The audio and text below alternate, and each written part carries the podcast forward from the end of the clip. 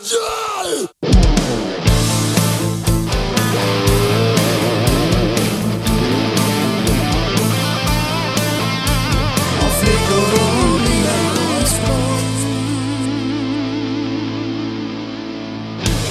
Hej och välkomna till avsnitt 14 av Musikpodcasten om flickor, bilar och sport.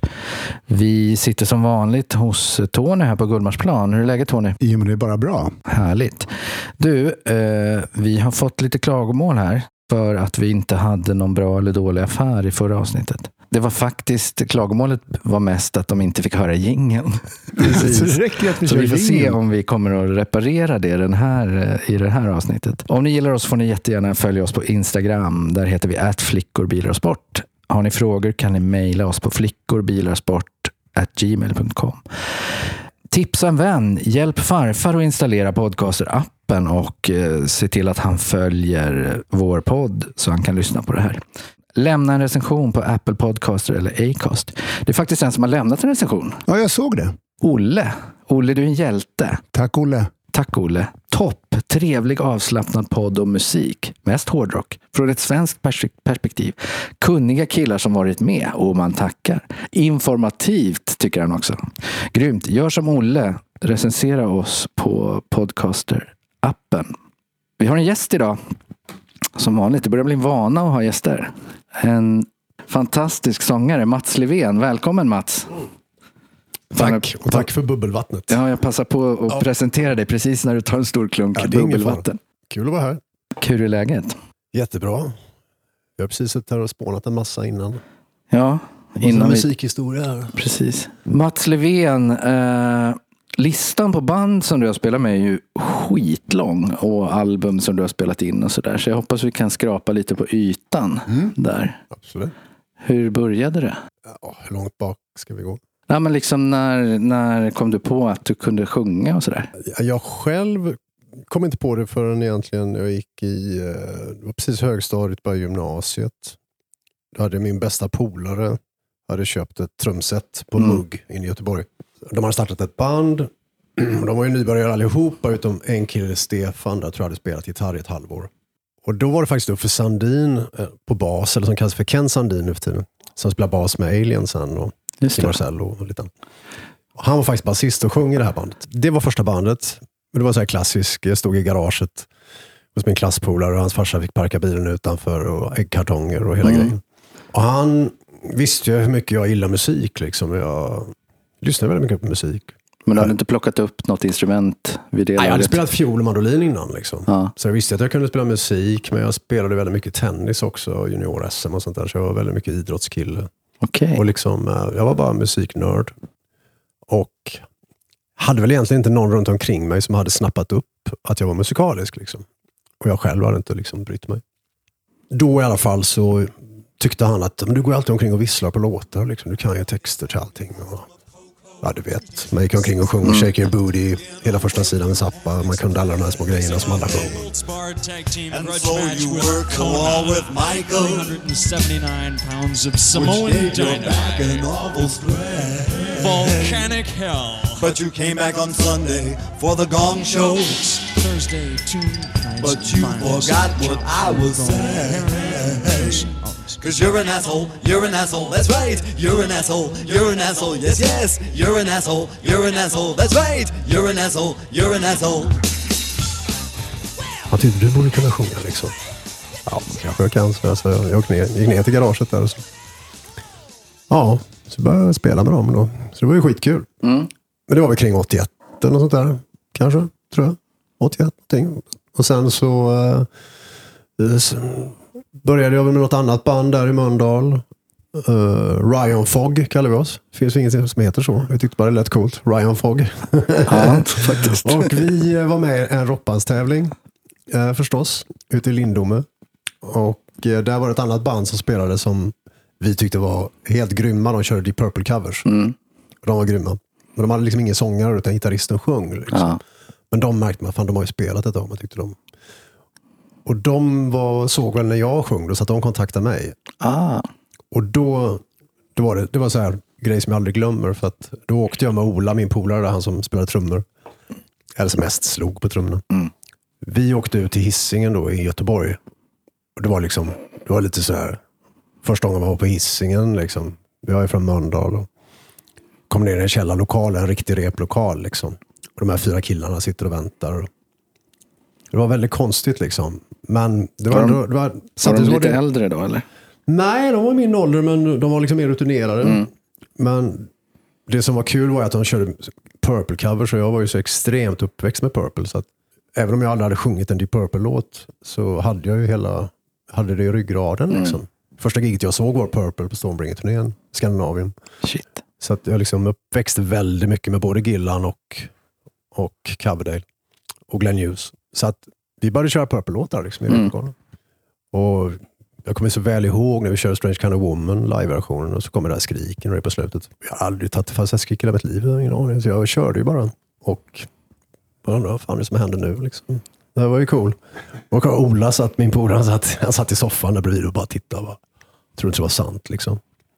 Vi tyckte att det lät som Deep Purple. Ja. Vilket kanske inte gjorde, men, nej, men där började jag nog liksom haja första gången att hmm, ja, det här var ju lite cool. Liksom. Mm. Jag kände mig lite, lite duktig där. Liksom. Mm. Så att där, där någonstans började jag. Och det var kring 83. Ja. Ungefär precis när jag skulle rycka in i lumpen här uppe i Stockholm. Det var första gången som jag började haja liksom, att det här var ju kul. Men du gjorde lumpen i Stockholm? Ja, jag gjorde lumpen ute på eh, Försvarets radioanstalt på FRA. Ute på Loven. Så jag kan säga ditt namn i morse om du vill höra. Jag var också telegrafist. Ja, det var det. Ja. Det kan vi ta till extra materialet. Ja, till när, vi, precis. när vi släpper DVDn. ja, ni kan hela YZ-grejen med Rush och det, varför den heter det. Ja, det är väl f- eh, Montreals Torontos. flygpla- Torontos flygplats. Som de spelar Just det. i morse. Tack. Det jättetufft. För Y är dag i dag.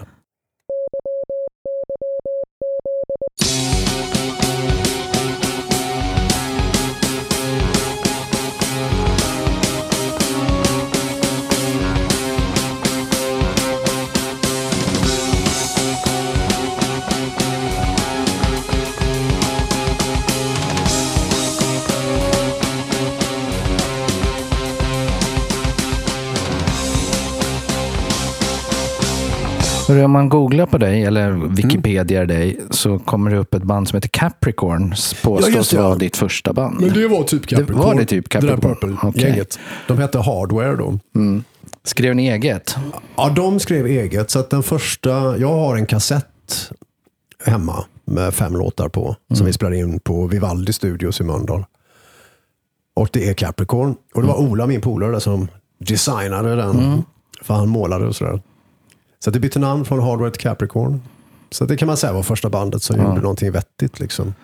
Sen tappade, ni, tappade du det när du gjorde lumpen eller? Nej, detta gjorde vi ungefär när jag låg i lumpen tror jag. Ungefär 84 står det på den kassetten och jag muckade 84. Så jag muckade samma dag som det var Van Halen AC/DC på Råsunda faktiskt. Okej, Så jag åkte direkt dit från muck. legendarisk Ja, konsert. precis. Men jag såg bara sex låtar av AC/DC för att jag skulle ta tåget hem. Okej, Jag hade ett bokat tåg. Men eh, det var ju cool. jag tror att jag också bara såg sex låtar av AC/DC. Alltså? För vi skulle åka till Sheraton och möta Mötley Crüe. Ah, Eller Strandhotell. Prioriteringar. Verkligen. Precis. Var det en bra eller dålig affär? Ja, men det var jättebra. Det är jag hade fattat jag, om du var blond och mannekäng, liksom brud. Så här. Men, men det är, därför jag har, det är därför jag har Too Fast For Love signerad med Tommy Lee har skrivit Eat Pussy över hela omslaget. Ja, fan vad hårt. det hänger alltså. fortfarande i hallen hemma. Write something cool. Till 14-åriga Allan. Tog några år innan Fan, jag vad förstod hårt. vad han menade. Jävligt konstigt att skriva till en 14-årig kille. Ja, ja. Eller hur? Men det är ju Tommy Lee. Ja, men det är fan. Jag har hört vad Yngve säger till 12-åriga pojkar. Oj, oj, oj. Nej, inte på det sättet så menar jag inte. Alltså, men, jag menar inte så. Alltså. Nej, men jag menar, jag kommer ihåg att det var någon kille som knackade på hans eh, dörr där. När vi höll på och skrev låtar. Mm. Så fick komma in och se hur studion såg ut. Ja. Det var mer så. Så det. Nej, fan Yngve var ju cool sådär. Liksom. Vad var vi Mats? Du... Ja, just det. Förlåt. Men, nej, men eh, det var Capricorn där. Och vi, det blev liksom lite annan line-up där. Och så var vi med i Rock-SM. Jaha. Eh, Vilket 80 år? Nej, 87 måste det varit. För att då hade jag börjat spela covers med det som blev Swedish Erotic. Var det då Jailbait vann? Eller var med? Nej, de vann inte det året, men det, var ju kring de åren som de vann. Då gjorde man deltävling på kåren i Göteborg, kommer jag ihåg. Så kommer jag ihåg att de hade med sig någon stor flight case med Converse-dojor. Sen var man bästa sångare, fick man plocka ett par skor och bästa basist och så vidare. Och jag vet att bröderna Tomander var ju med med sitt band White Line. Och jag tror att Fredrik var så här bästa basist eller någonting. Han fick också plocka i det där Ja. caset. Men fick du plocka caset? Jag fick plocka i caset som bästa sångare. Grymt. Men sen så gick vi vidare till Lisebergshallen som var liksom någon slags final. Och då var Mats eh, Öberg med. Piano-Mats. Precis. Hans band, eller vad det nu var, jag tror att det var de som vann.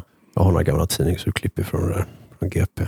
Men det var typ, det hette Capricorn fortfarande då. Mm. Och vi vann en annan rockbandstävling så då fick vi göra en singel, en vinylsingel. Eh, så det är den första singeln som jag har gjort. Och den har jag fortfarande kvar ett antal ex hemma faktiskt. Du har För det? var priset var att vi fick 500 stycken tror jag. Eller 300 stycken eller 500 stycken. Coolt. Vad, vad går den för på Ebay? Jag vet inte. jag, jag, liksom, alltså jag har alltså, de ligger i originalkartong fortfarande, orörda. så det är rare stuff. Alltså. Så det är en bild på Jompa Borger på baksidan också.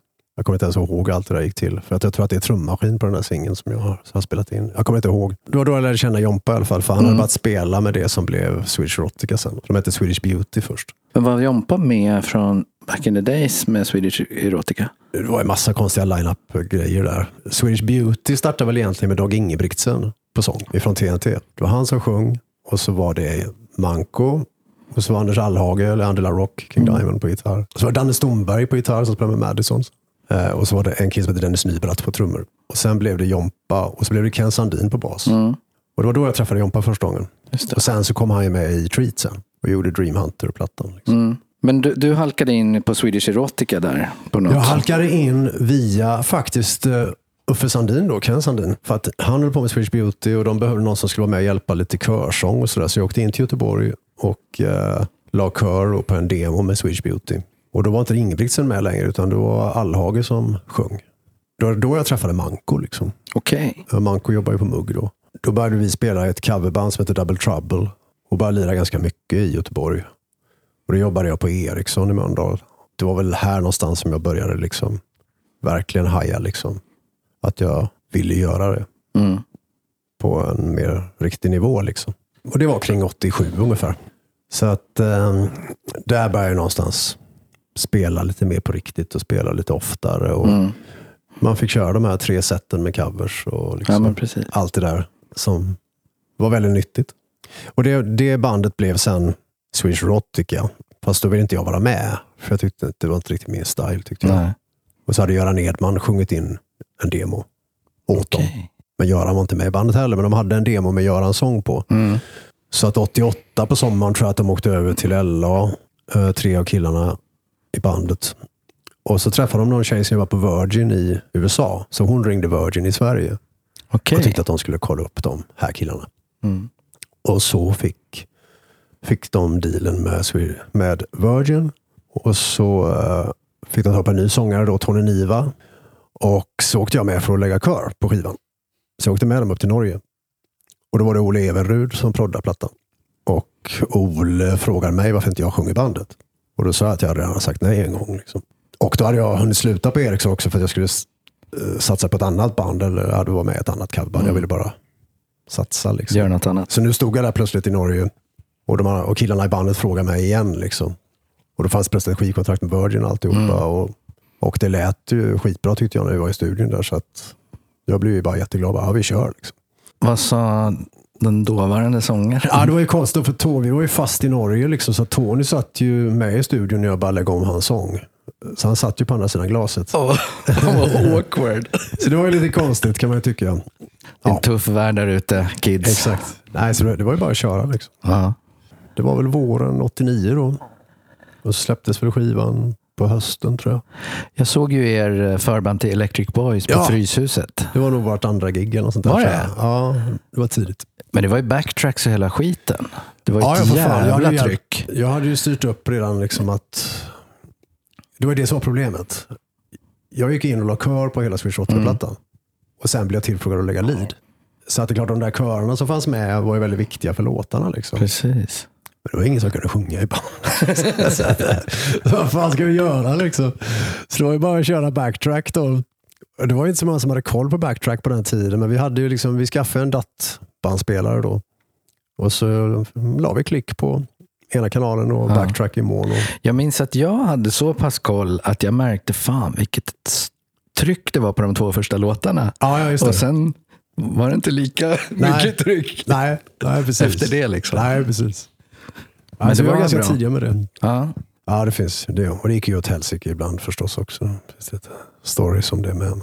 Jag vet inte om det här var innan eller efter när eh, Felix Herngren gjorde någon så här eh, han fick, eh, jobbade på något nöjesprogram på tv och så fick han i uppdrag att göra någon mix av musikvideos. och då hade han med. Prince och liksom Raspberry Beret. Och, Okej. och så fick han in er We're young, we're, vad heter Ja, den? Wild Young and Free. Ja. Wild Young and. Free-videon i det där. Aha. På bästa sändningstid. Men det visste inte du. När var detta? Ja, det måste ju varit då. För att han regisserade min dotter för några månader sedan. Men han kände inte igen mig då. Nej. Det skulle jag ju sagt till honom då. Ja, Han, håller tänkte, på, han har ju på med Netflix-serie nu. okej. Och min dotter har en liten pytteroll där. Ja, vad roligt. Ja, det hade jag ingen aning om. Men däremot var det ju så att vi på hösten Först släppte vi en singel som hette Rock'n'Roll City. Welcome to Rock'n'Roll City.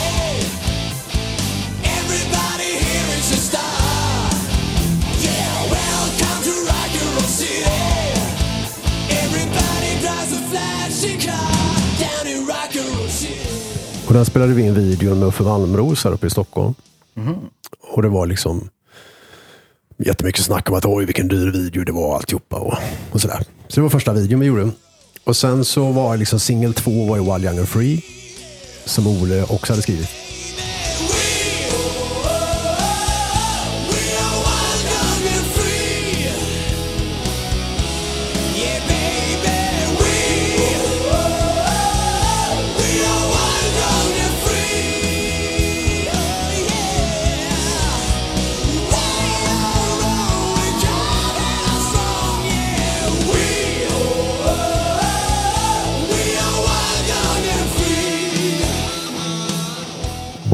City och and Free var ju Ole Everud-låtar.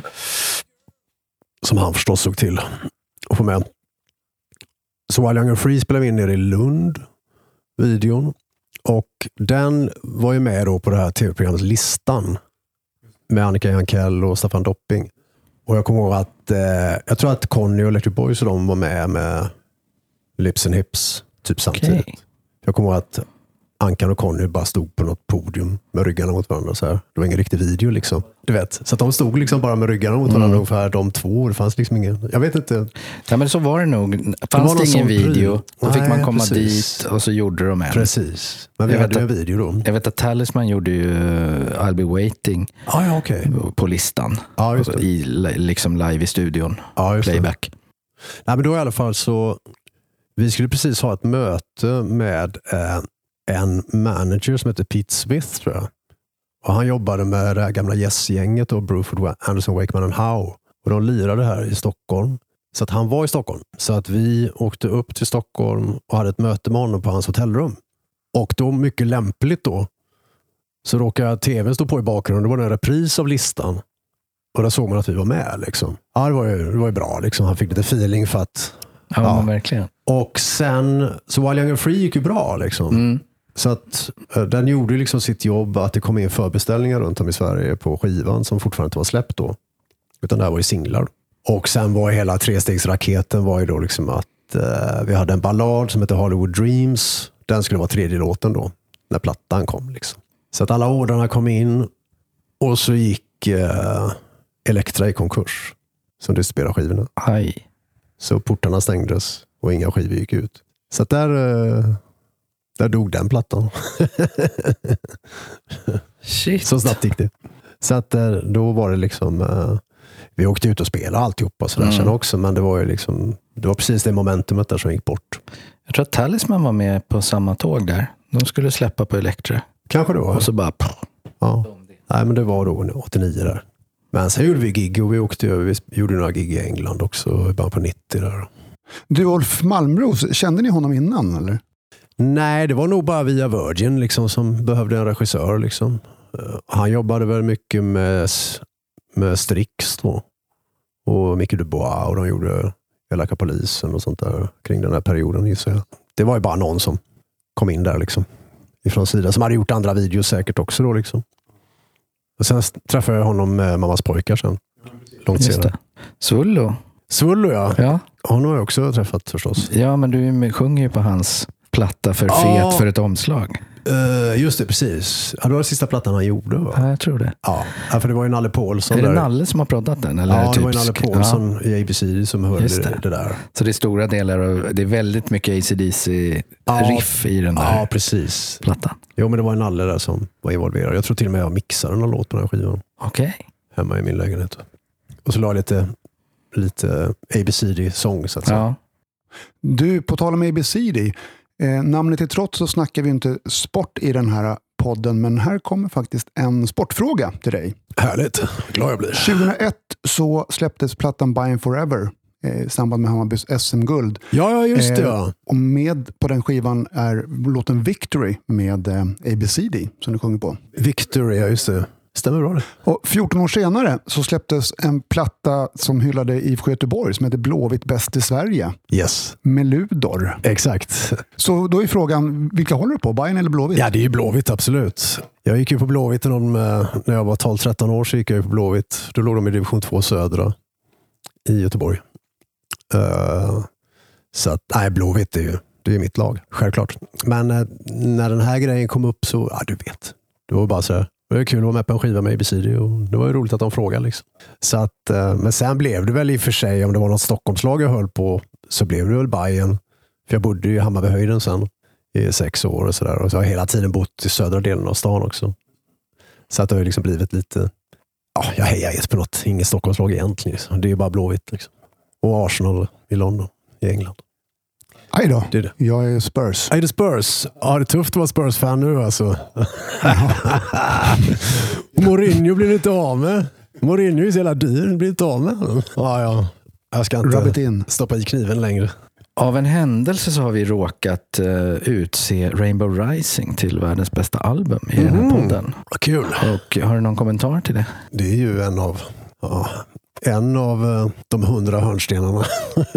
Men är den, är Det den är bara topp 100 för dig? Nej, Eller- men när jag växte upp när jag växte upp så var ju liksom Rainbow Rising så här otroligt viktig skiva. Det var så otroligt viktigt. För att när Blackmore slutade, jag såg ju då som sagt första gig, mitt första gig var ju när Blackmore gjorde sista turnén där med Purple 75. Just det. Han hade redan spelat in första Rainbow-plattan men han gjorde en sväng till liksom, eh, innan han la ner. Så att jag följde honom. Jag, jag gick liksom aldrig och köpte Can't Taste the Band med Purple utan det var direkt Richie och Rainbow som var min grej. Liksom. Och eh, man gillade Dio. Och sen när Rising kom, då var man ju liksom helt... Det var total överkörning. Liksom. Mm. Eh, Så att eh, den plattan var ju jätteviktig, utan tvekan. Eh, helt grym, verkligen. Så att eh, den får gärna vara nummer ett. det tycker jag. Hur var det då med det liksom in mind att eh, kliva in i samma rum som Cozy Powell? Ja, det var ju skitkul. Det är väl liksom enda gången egentligen som jag har spelat med någon som jag var lite starstruck över att få spela med. Liksom. Mm. Det är väl enda gången det har skett. Och det, så det var ju otroligt kul. Det var jättestort för mig. Liksom. Det var Facing the Animal Ja, med eh, albumet Yngve, med Yngve. Precis, så att det var i början på 97 där, så vi bodde på samma hotell jag och Cozy. Jag tror till och med att det var så att det var första gången jag var i USA. Jag landade i Miami. Om det var januari eller februari. Januari 97 tror jag.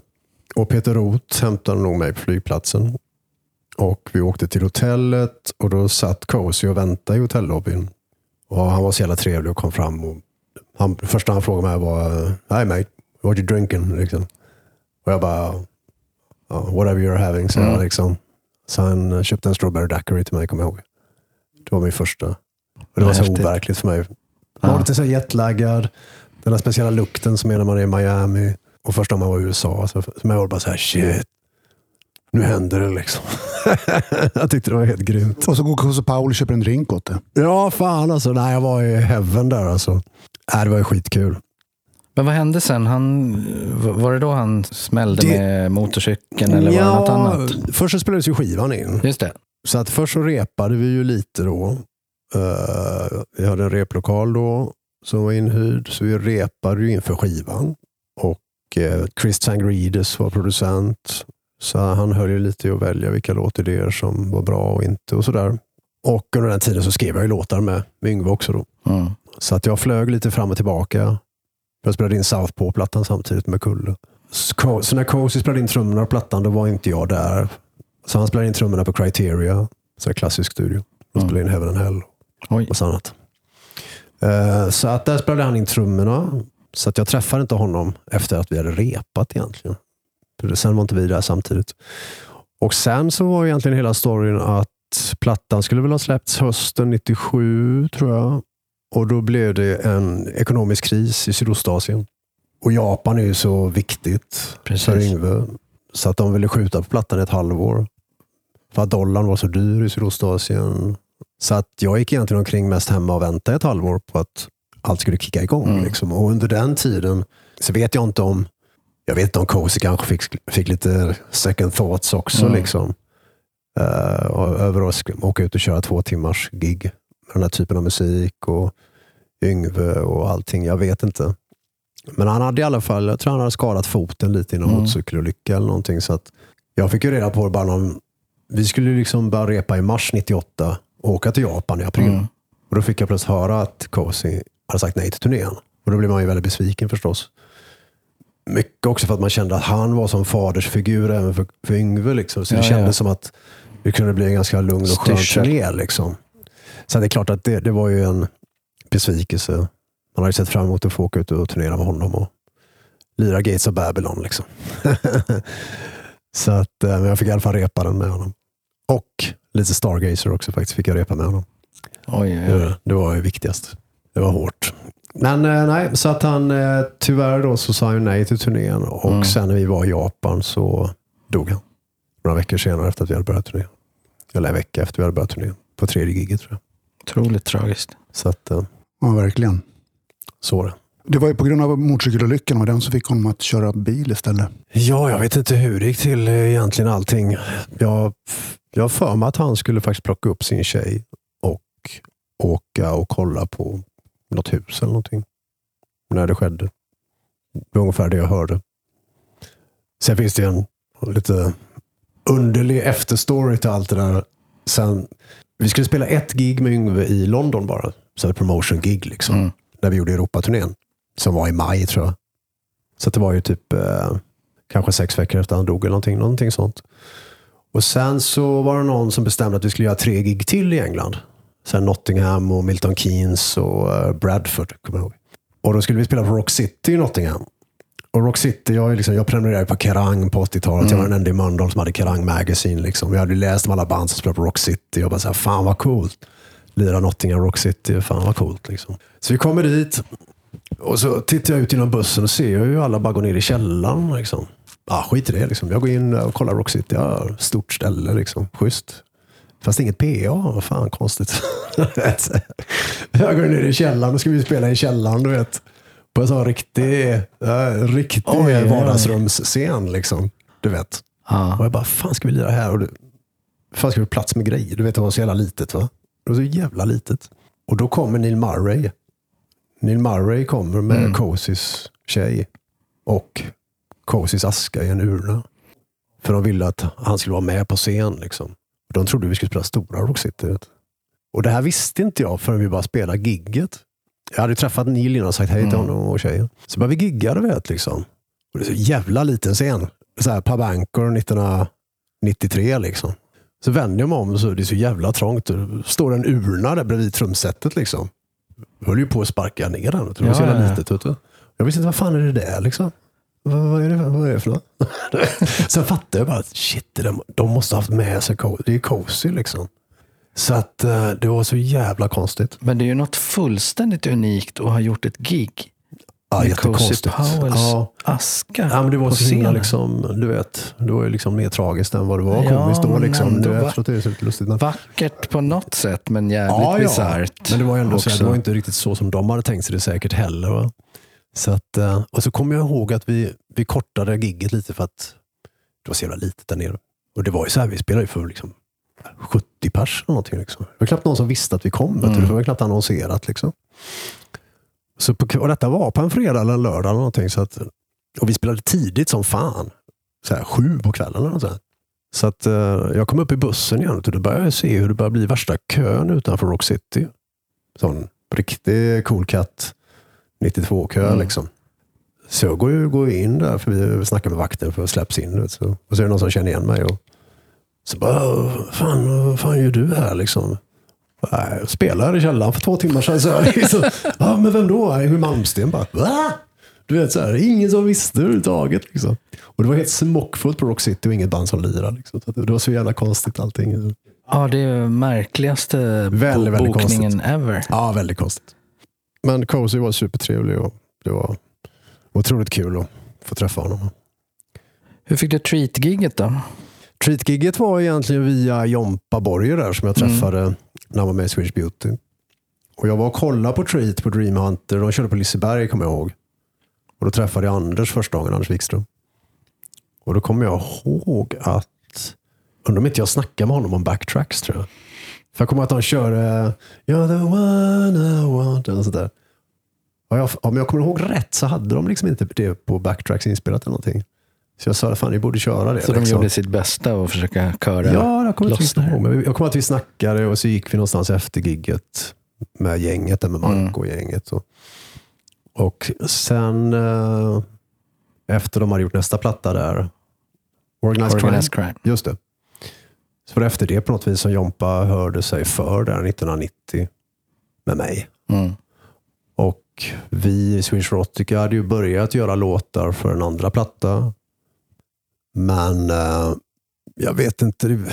Allt hade inte hänt som vi hade velat första skivan. Liksom. Och det började krypa upp i mig lite också sådär igen att dels lockade det mer att spela med ett band som Treat kanske, ett musikaliskt. Det var lite mer min gata. Ja, och som är etablerade. Och som var etablerade förstås. Så, och, och jag tyckte väl det var kul att flytta upp till Stockholm också. Mm. Liksom. Så att eh, när de bör- började höra sig för där och Jompa började sig för så blev jag jätteintresserad. Och, eh, så jag började åka upp eh, hösten 90 till Stockholm. Och då hade Anders eh, och de börjat slira in demos, det, bland annat hos Limpan då, på Hornsgatan, på Stockholm Recording. Och eh, det hade de gjort, det var med Robbans sång på. Så det hade de gjort med Robban tror jag. Så det var det jag gick in och började göra om då på demostadiet. Så det var i slutet på 90. Och eh, sen flyttade jag upp typ 91. Men var du med och skrev något på den? Eller? Eh, på den plattan som kom ut till slut så har jag en del. Jag har lite låtcredits på vissa låtar liksom, där man kanske var med lite på texter och hade lite musikaliskt inflytande. Men det var ju fortfarande Anders som var. Mm. Har alltid varit den musikaliska motorn. Den är ju svår att hitta. Ja, för den var släppt på ett annat... Eh, den var släppt på något vis genom managementet Manhattan och Polygram. Så att den, jag vet att Anders har ju pratat flera gånger om att han vill släppa den på vinyl igen och att den skulle släppas och bla bla bla. Men det, Det är var svårt som med har- rättigheterna. Det är någon som har lagt ut den på, i sin helhet på Youtube i varje fall. Så jag lyssnade Ja. till, tillbaka på den i, igår och Ja, det. riktigt bra. Alltså. Ja, Jag men tycker den, är inspelad, håller. den är ju inspelad på Visselord i Holland där. Vilket ju var kul att få spela in där. Tid, alltså, hyfsat tidlöst. Nu, nu är man ju ganska präglad med vad man gillar. Jo, det är klart. Men ändå, Mm. jag tycker den håller.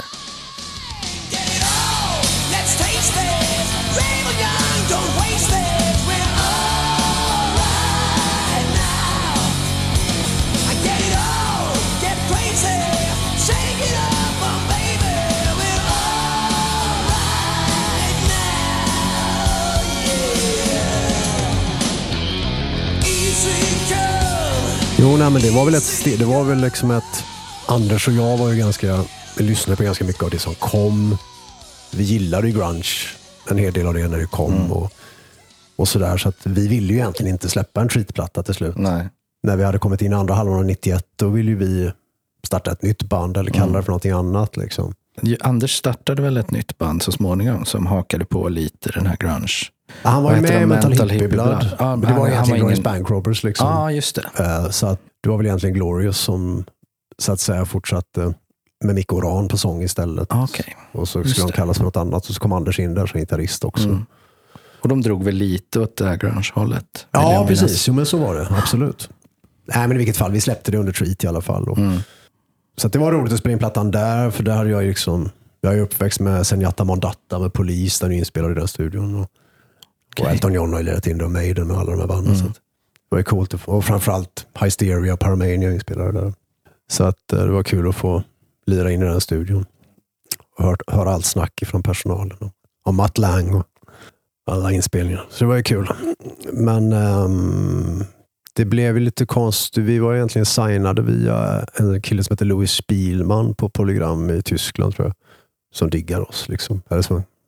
Och sen när han rök ifrån skivbolaget så fanns det liksom inte så mycket folk som stod bakom oss. Plus att grungen kom också och tog över mycket. Så att vi hann egentligen bara göra en riktig turné med treatarna där. I december 92 så gjorde vi konstigt nog en Tysklandsturné på tre och en halv vecka. Liksom. Gjorde ni något gig i Sverige? Ja, vi gjorde ju gig i Sverige, men de tillhör inte någon turné. Liksom. Nej, det var mer att vi skulle enstaka. på Cool Cat någon gång och vi spelade bla bla bla. Liksom. Just det. Men de enda turnégiggen var den turnén. Vi spelade med ett band som heter Chroming Rose, som också var ute med oss. Ja, men den plattan i alla fall hamnade sen hos CC DeVille i Poison. Så hans manager kontaktade mig 94 tror jag. Men Cissi DeVille är ju inte världens mest musikaliska figur, men äh, de hade väl ändå någon slags... Ja, men grejen var så här att efter att Treat sprack, ja, då började vi direkt göra covers, jag och Anders, med Nippe för stader. Och, Cruise Lats Ja, och Sigvall på trummor. såg jag Cruise Lats. på Grottan i Tyresö. Oj, det kommer jag inte ens ihåg. Alltså, att vi Ganska säker. Coolt. Ni hade Zappa-låten Cruise Lats som intro eller outro. Ja, ja okej. Jag minns ja, inte. för det var jag som hittade på det med Cruise. Jag var ju som Zappa-freak liksom. Hey, you love it. It's a way of life. See the world. Don't make a fuss, just get on the bus.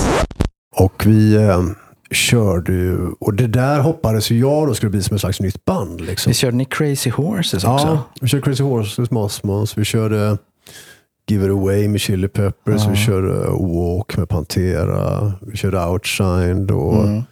Hunger Strike. Det var väldigt blandat, men det var jävligt kul. Och vi gjorde en 20-25 gig den våren, sommaren eh, 93. Men eh, Sigvall var liksom inte riktigt intresserad. Det var efter Electric Boys och allt. Han var inte intresserad av att vara med band. Extra. Så att när hösten 93 kom och in i 94, då var först, första gången i min, som jag hade en situation där jag liksom inte var på väg framåt. Som det tog lite stopp. Liksom. Kring den perioden där så började jag göra mycket akustiska gig. Det var ju liksom Unplugged MTV-perioden där. Just. Populärt. Och jag spelade med Pontus Norgren eh, och Nippe och ibland med Jan Elmqvist, Fredrik Thomander. Så att man levde liksom i princip att jag klarade mig om jag gjorde två gig i veckan akustiskt inne i stan. Liksom. Då kunde jag överleva. Och så makaroner och fiskpinnar. Ja. Liksom. Och gratis öl. Ja, så det var ju så. så att med den, den lägenheten som jag hade eh, i Hammarbyhöjden, det var egentligen min räddning, för jag hade ett tredje rum där. Okej, och det som du kunde hyra Och det ut. hyrde jag ut till mu- musikerpolare. Jag har nog i alla fall tio olika musiker här i Stockholm som har hyrt det rummet av mig. Därför så klarar man sig liksom Ja. på väldigt lite pengar. Åter till Cissi DeVille. Cicely vill jag. Han eh, hörde av sig, eller hans manager hörde av sig. Som var snabb. Jag tror det var samma manager som Poison hade. Och eh, Poison var väl liksom på väg ut för vad det nu var. Och Cissi DeVille, han hade ju haft, han verkar ju vara en ganska skön snubbe. Jag har aldrig träffat honom. Men han hade ju en sologrej som heter Cissi DeVille Experience. Ja. Eh, vilket bara, det är så jävla skönt. Då fattar man direkt att, man fattar direkt att, sinnessjukt. Ja, man fattar direkt att det är en skön snubbe. Ja. Liksom. Så att det här nya bandet det hade han fått kontrakt med på Hollywood Records, som var ett nytt skivbolag i USA. Och det var James Kotak på trummor, som spelade med Kingdom Come tidigare. Då. Och det var, vad heter han, som spelar gitarr med Alice Cooper idag. Tommy, gitarristen. Jag tar eh, Henriksen. Henriksen. Ja. Tommy Henriksen var basist. Så det var James Kotak, Tommy Henriksen, mm. Cissi DeVille och jag. Nu först, bara för något år sedan, så råkar jag liksom stöta på en artikel om eh, han som sjunger med Foreigner. Eh, vad heter han? Kelly Hansen heter han. Han sjunger den här. Och de hade ett namn Och det var innan de kontaktade mig. Liksom. Okej. Eh, Så att någonstans där sprack det. Och de hörde av sig. Och eh, vi vill flyga över dig till LA och träffa dig. Ja, bla bla bla. Mm. Så att det var... eh, De bokade flygbiljett. Jag skulle dra. Och så hörde jag ingenting. Det var helt tyst. Liksom. Och då de sa att de skulle boka flygbiljett. Ja, flygbiljetten var liksom parallellbokad alltihopa. Och de skulle, men sen, så, sen bara allting dog. Och då visade det sig, långt efteråt sen fick jag ju reda på att, eh, för jag träffade James Kotak några år senare, när vi spelade med Abstrakt Algebra i Belgien. För då lirade han med Warrant. Och då berättade han att killen på Hollywood Records som hade signat dem, det var en jättedeal. Liksom. Han hade fått foten. Och då hade hela eh, grejen bara rykt. Liksom. Imploderat. Plus att det var säkert kanske lite droger och grejer. Och det kanske bara var kaos allting. Liksom. Så det bara sprack. Liksom. Men jag satt ju där och visste liksom inte riktigt, var det här på riktigt? Eller fan, var det någon som drev med mig? Liksom. Men så frågade jag Kotak när jag var i Belgien och han bekräftade. Och jag snackade faktiskt med, med Tommy om det när Alice Cooper var här för ett och ett halvt år sedan också. Jag bara nämnde det på kul Ja. liksom, när vi stod och snackade. Han sa också att det var nog lite mycket konstiga faktorer Ja. som gjorde att det inte blev av till slut. Sjukt. Men man bara undrar, liksom, man tänker själv, så här, fan hade hänt om jag hade dragit till USA 94? Ja. Det var ju inte något som egentligen passade mig rent mentalt, tror jag. Nej, så jag, jag är glad över att det inte blev så. Jag kommer ihåg Kotak från Kingdom Come. Ja, precis. Det var ju det han hade gjort där innan. Det var väl de där två plattorna de gjorde. Det var bara två plattor va? Ja, de gjorde ju fler plattor. Men, Ja, men jag menar med den line-upen. ja, ja, precis. När de fortfarande var ett riktigt band. Jag vet, jag vet inte om du har sett, har du sett de här, kli- jag la upp något klipp på Facebook när Kingdom Come spelade för något år sedan. I Las Vegas. Ah, jag la upp han basisten, originalbasisten i Kingdom Come. Är det han som vevar? Han som vevar. Han som kör ett solo. Nej, det har jag inte sett. Jag la upp det på. Facebook. Vad är detta liksom? Det är det roligaste jag har sett. Alltså. Ah, kolla det alltså. Det är så... Jag bara, jag bara undrar vad James Kotak tänker när han sitter bakom trummorna. Vi klipper in en snutt av det bassolot om jag lyckas hitta det. men sök på Las Vegas, Kingdom Come 2020 eller 2019. Det händer grejer där alltså. Leta upp basord.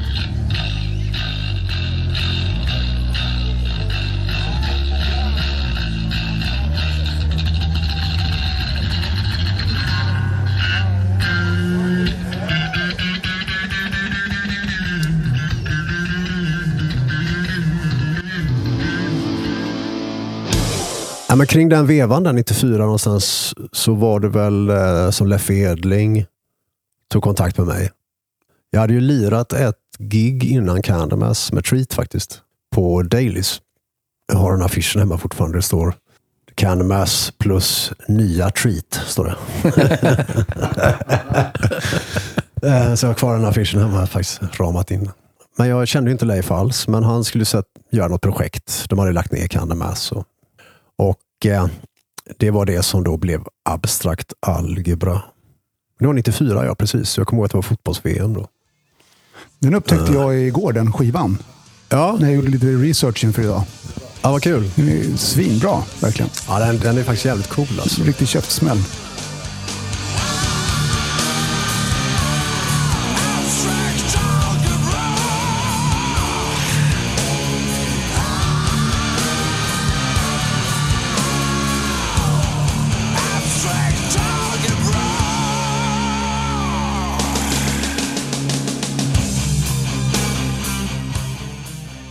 Tittar man tillbaka på min lilla karriär liksom, så är det faktiskt bara, man måste bara faktiskt inse att Leif Edling har varit viktig vid många fler olika tillfällen eh, på olika konstiga sätt. Än Som har lett tror. mig vidare. Liksom. Och det här var ju steg ett. Så vi gjorde ju Abstract-plattan i Soundtrade med Ronny Lahti som tekniker. Per Aldeheim, per Aldeheim från It's Alive var producent. Och det var jävligt roligt. Kul inspelning. Och eh, spelades in på rätt sätt. Liksom. Och min bästa polare Jejo Perkovic spelade trummor.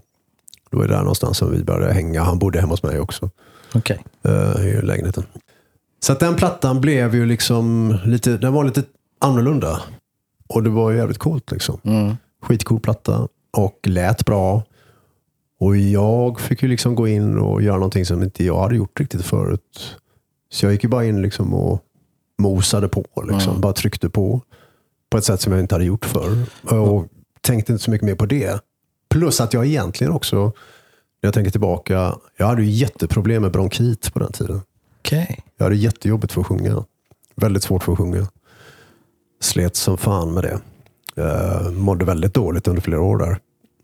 För att jag hade sådana väldiga problem med bronkit. Hur kom du till rätta med det då? Ja, det var inte tack vare läkarvetenskapen kan jag säga. Okej. Eh, De kunde inte hjälpa mig. Nej, men de kunde inte hjälpa mig. Nej. Så att eh, den korta storyn är egentligen att jag fick så mycket kortison och antibiotika under flera år. Så jag hade inget immunförsvar kvar. Eh, jag fick infektioner hela tiden och blev skitdålig. Och mådde väldigt, väldigt dåligt. Eh, men min morsa i eh, Göteborg, hon hade en bekant som hade en dotter som var operasångerska som hade samma problem. Okej. Och hon hade gått till en homopat i Göteborg. Och jag var liksom helt desperat. Bara beredd att prova vad som helst. Liksom. Jag gick hos henne i kanske ett halvår eller något kanske. Köpte extremt mycket. Jag åt kanske 40-45 tabletter om dagen. Med olika vitaminer, zink, allting.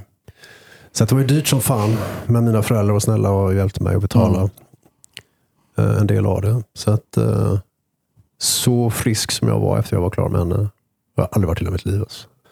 Plus att jag också medvetet då skötte mig så mycket jag kunde också under perioden. Så att jag, var, jag, var som en, jag hade sån jävla lust att gå upp på Södersjukhuset bara leta upp den här jävla läkaren jag hade. Alltså. Och bara så här, skaffa ett annat jobb. Alltså.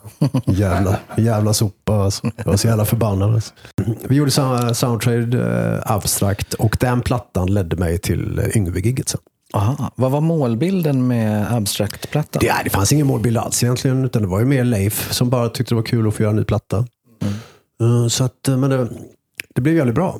Och det viktigaste rent egoistiskt för min del var ju att Yngve hörde plattan i och med att Yngve var polare med Leffe. Just det. Så att snacket gick liksom att Yngve hade en CD-växlare hemma med fem CDs i. Och två av de CD-skivorna var Abstrakt Algebra-plattan. så att han tryckte på random skulle det vara större chans att det var den som gick på. Liksom. Det känns så Yngve på något sätt. Ja, men det är så jävla hårt alltså. Det är så jävla, jävla rätt alltså. Ja. Tanken är rätt. Då ska, sen ska nästan de tre andra ska vara tomma också. Ja. Nej, men skulle ju helst vilja att det var fem av samma. Ja, ja. Eller fyra. Så här, någon slags rysk roulette. Yngve roulette. Mm.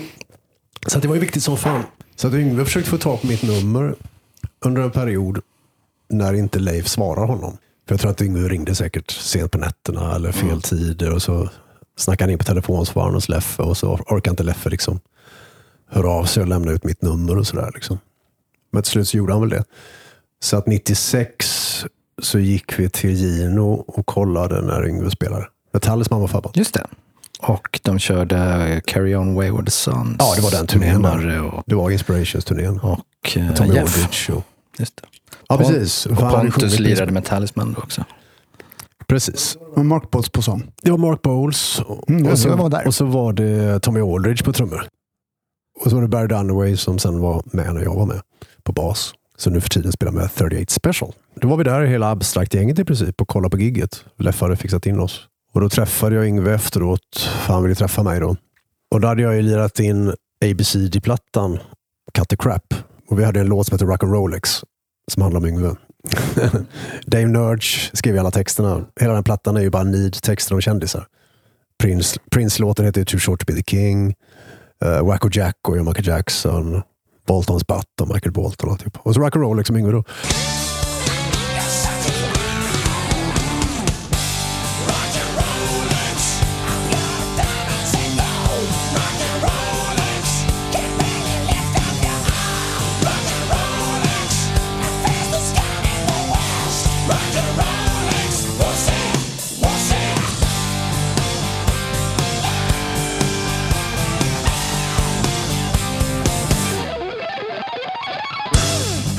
Så att det första Yngve sa när, han, när vi skulle skaka hand var bara är du som sjunger på Rock Rolex? Och jag bara shit. det sprack det direkt tänkte jag. Så att, ja, det är nog så. här, Liksom. Ja, men det är cool. Den, den, den är kul. Så. Det är cool.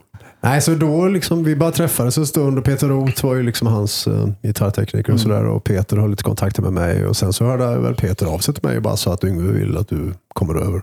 Typ januari 97 då. Så att eh, det var ju Abstrakt-skivan som gav mig det giget. Helt enkelt. Hur var det att skriva med Yngve då? Jeff har ju sagt att man jobbar inte med Yngve, man jobbar för Yngve. Det går inte att jämföra tiden på 80-talet med hur det var 15 år senare när jag var med. Det går inte ens att jämföra med hur det var för Göran Edman 90-91 heller. Det var ju en lugnare period i Yngves liv. När jag väl kom. Liksom. Så han hade börjat lugna ner sig, men han hade ännu inte brytit med allt och alla Nej. i den gamla Nej, sfären. han hade precis träffat April som han är gift med idag. Just det. Min inställning var, jag var ju ganska, jag var lite naiv liksom. Jag visste att Cozy Powell var med på tåget. Jag, liksom, jag bara, fan vi ska ju göra en Rainbow Rising-platta liksom. Eller hur?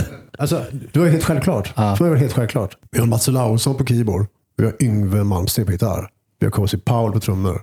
Och så har vi mig då som älskar det där. Liksom. Klart vi ska göra en sån platta. Liksom. Det är helt magiskt. Liksom. De här jävla skitplattorna med Yngve, det är ingenting vi vill göra igen. Liksom. Eller en kombo av Yngves tidiga plattor och Rainbow Rising. Liksom. Det kan inte bli bättre. Liksom. Du hör ju själv. Det hade blivit hur grymt som helst. Visst. Så jag var ju så naiv så jag hade ju med mig två låtar. Liksom, som, eh, som idag jag vet fortfarande hade blivit jävligt bra. Och en av de låtarna är med på min Skype-platta 20 år senare. Liksom. Vill du säga vilken? Ja, det är den som heter One Eye for an Eye. Jag tror.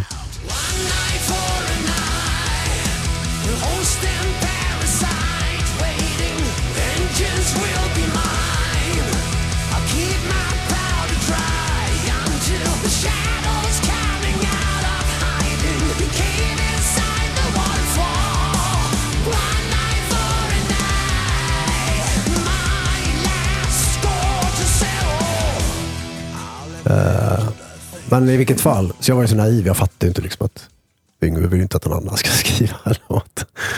Men eh, i Yngves fall så hade han ju låtidéer. Men ibland hade han ju inga sångmelodier.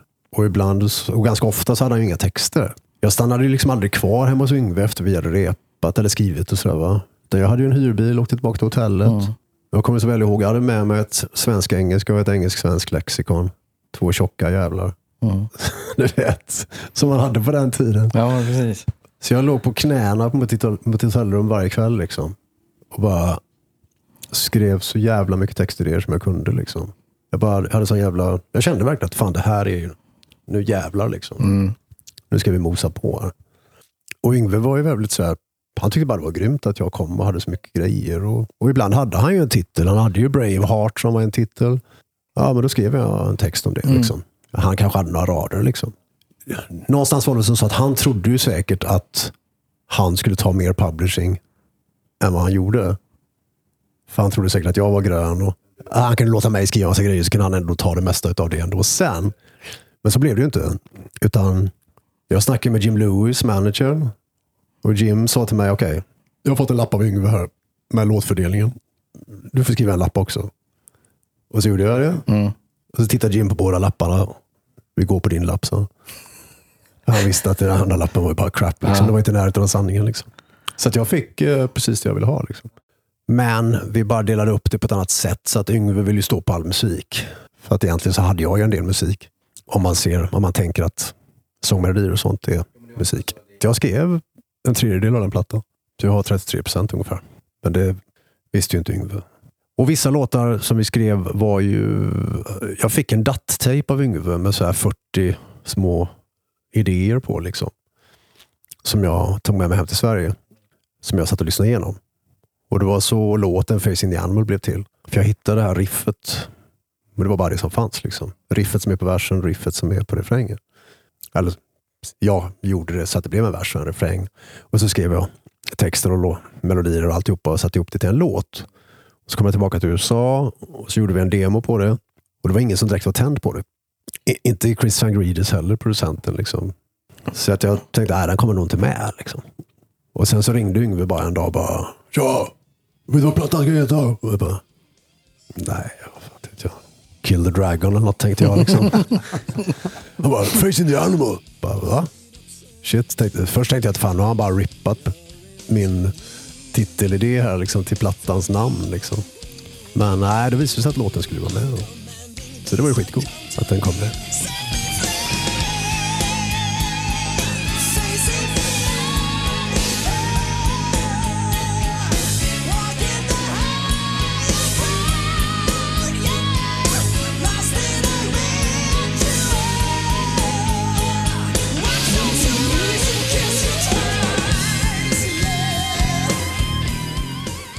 Så att så, um, nej men det, så att det, det gick bra liksom. Jag tror också att det var lite så som Jim Lewis sa, att Yngve tyckte det var skönt att ha en svensk sångare att jobba med igen och att det fanns en svensk till i, i gänget och sådär. Men det var aldrig aktuellt att fortsätta med Yngve? Äh, Grejen är att det var så mycket, det blev ju liksom lite struligt redan från början. När Cozy försvann, när man gick ett halvår och väntade i Sverige. Eh, Jag och min dåvarande flickvän, liksom, vi skulle liksom flytta in i en ny lägenhet och vi skulle få det att tajma, men jag skulle vara borta på världsturné och det var, allting var lite mäckigt. Liksom. Så att grejen från det att vi åkte väl, började repa för Japan-turnén, det var i mars 98. Och sen så gjorde vi sista gigget på sommaren 98, tidigt sommar 98. För att Yngves ena del av hans Europaturné hade han inte råd att göra. För att det här sydasiatiska problemet där gjorde att han drog inte in lika mycket pengar i Japan som han brukar göra. Och det bekostar ju hans turnéer sen i Europa som han egentligen gick back på. Vi gjorde bara 50 gig totalt. Liksom. Och det gjorde vi ändå 14 gig i Japan, liksom, vilket är mer än de flesta gör. Men vi skulle ha gjort kanske 19, 20. Liksom. När väl sommaren 98 kom, då flög jag över igen. För vi gjorde ju en liveplatta på Brasilien-giggen där, som heter Live. Då skulle vi göra om vi gör om körerna. Så att det är jag som sjunger körer på den liven. Jag och Yngve, eh, om man lyssnar noga.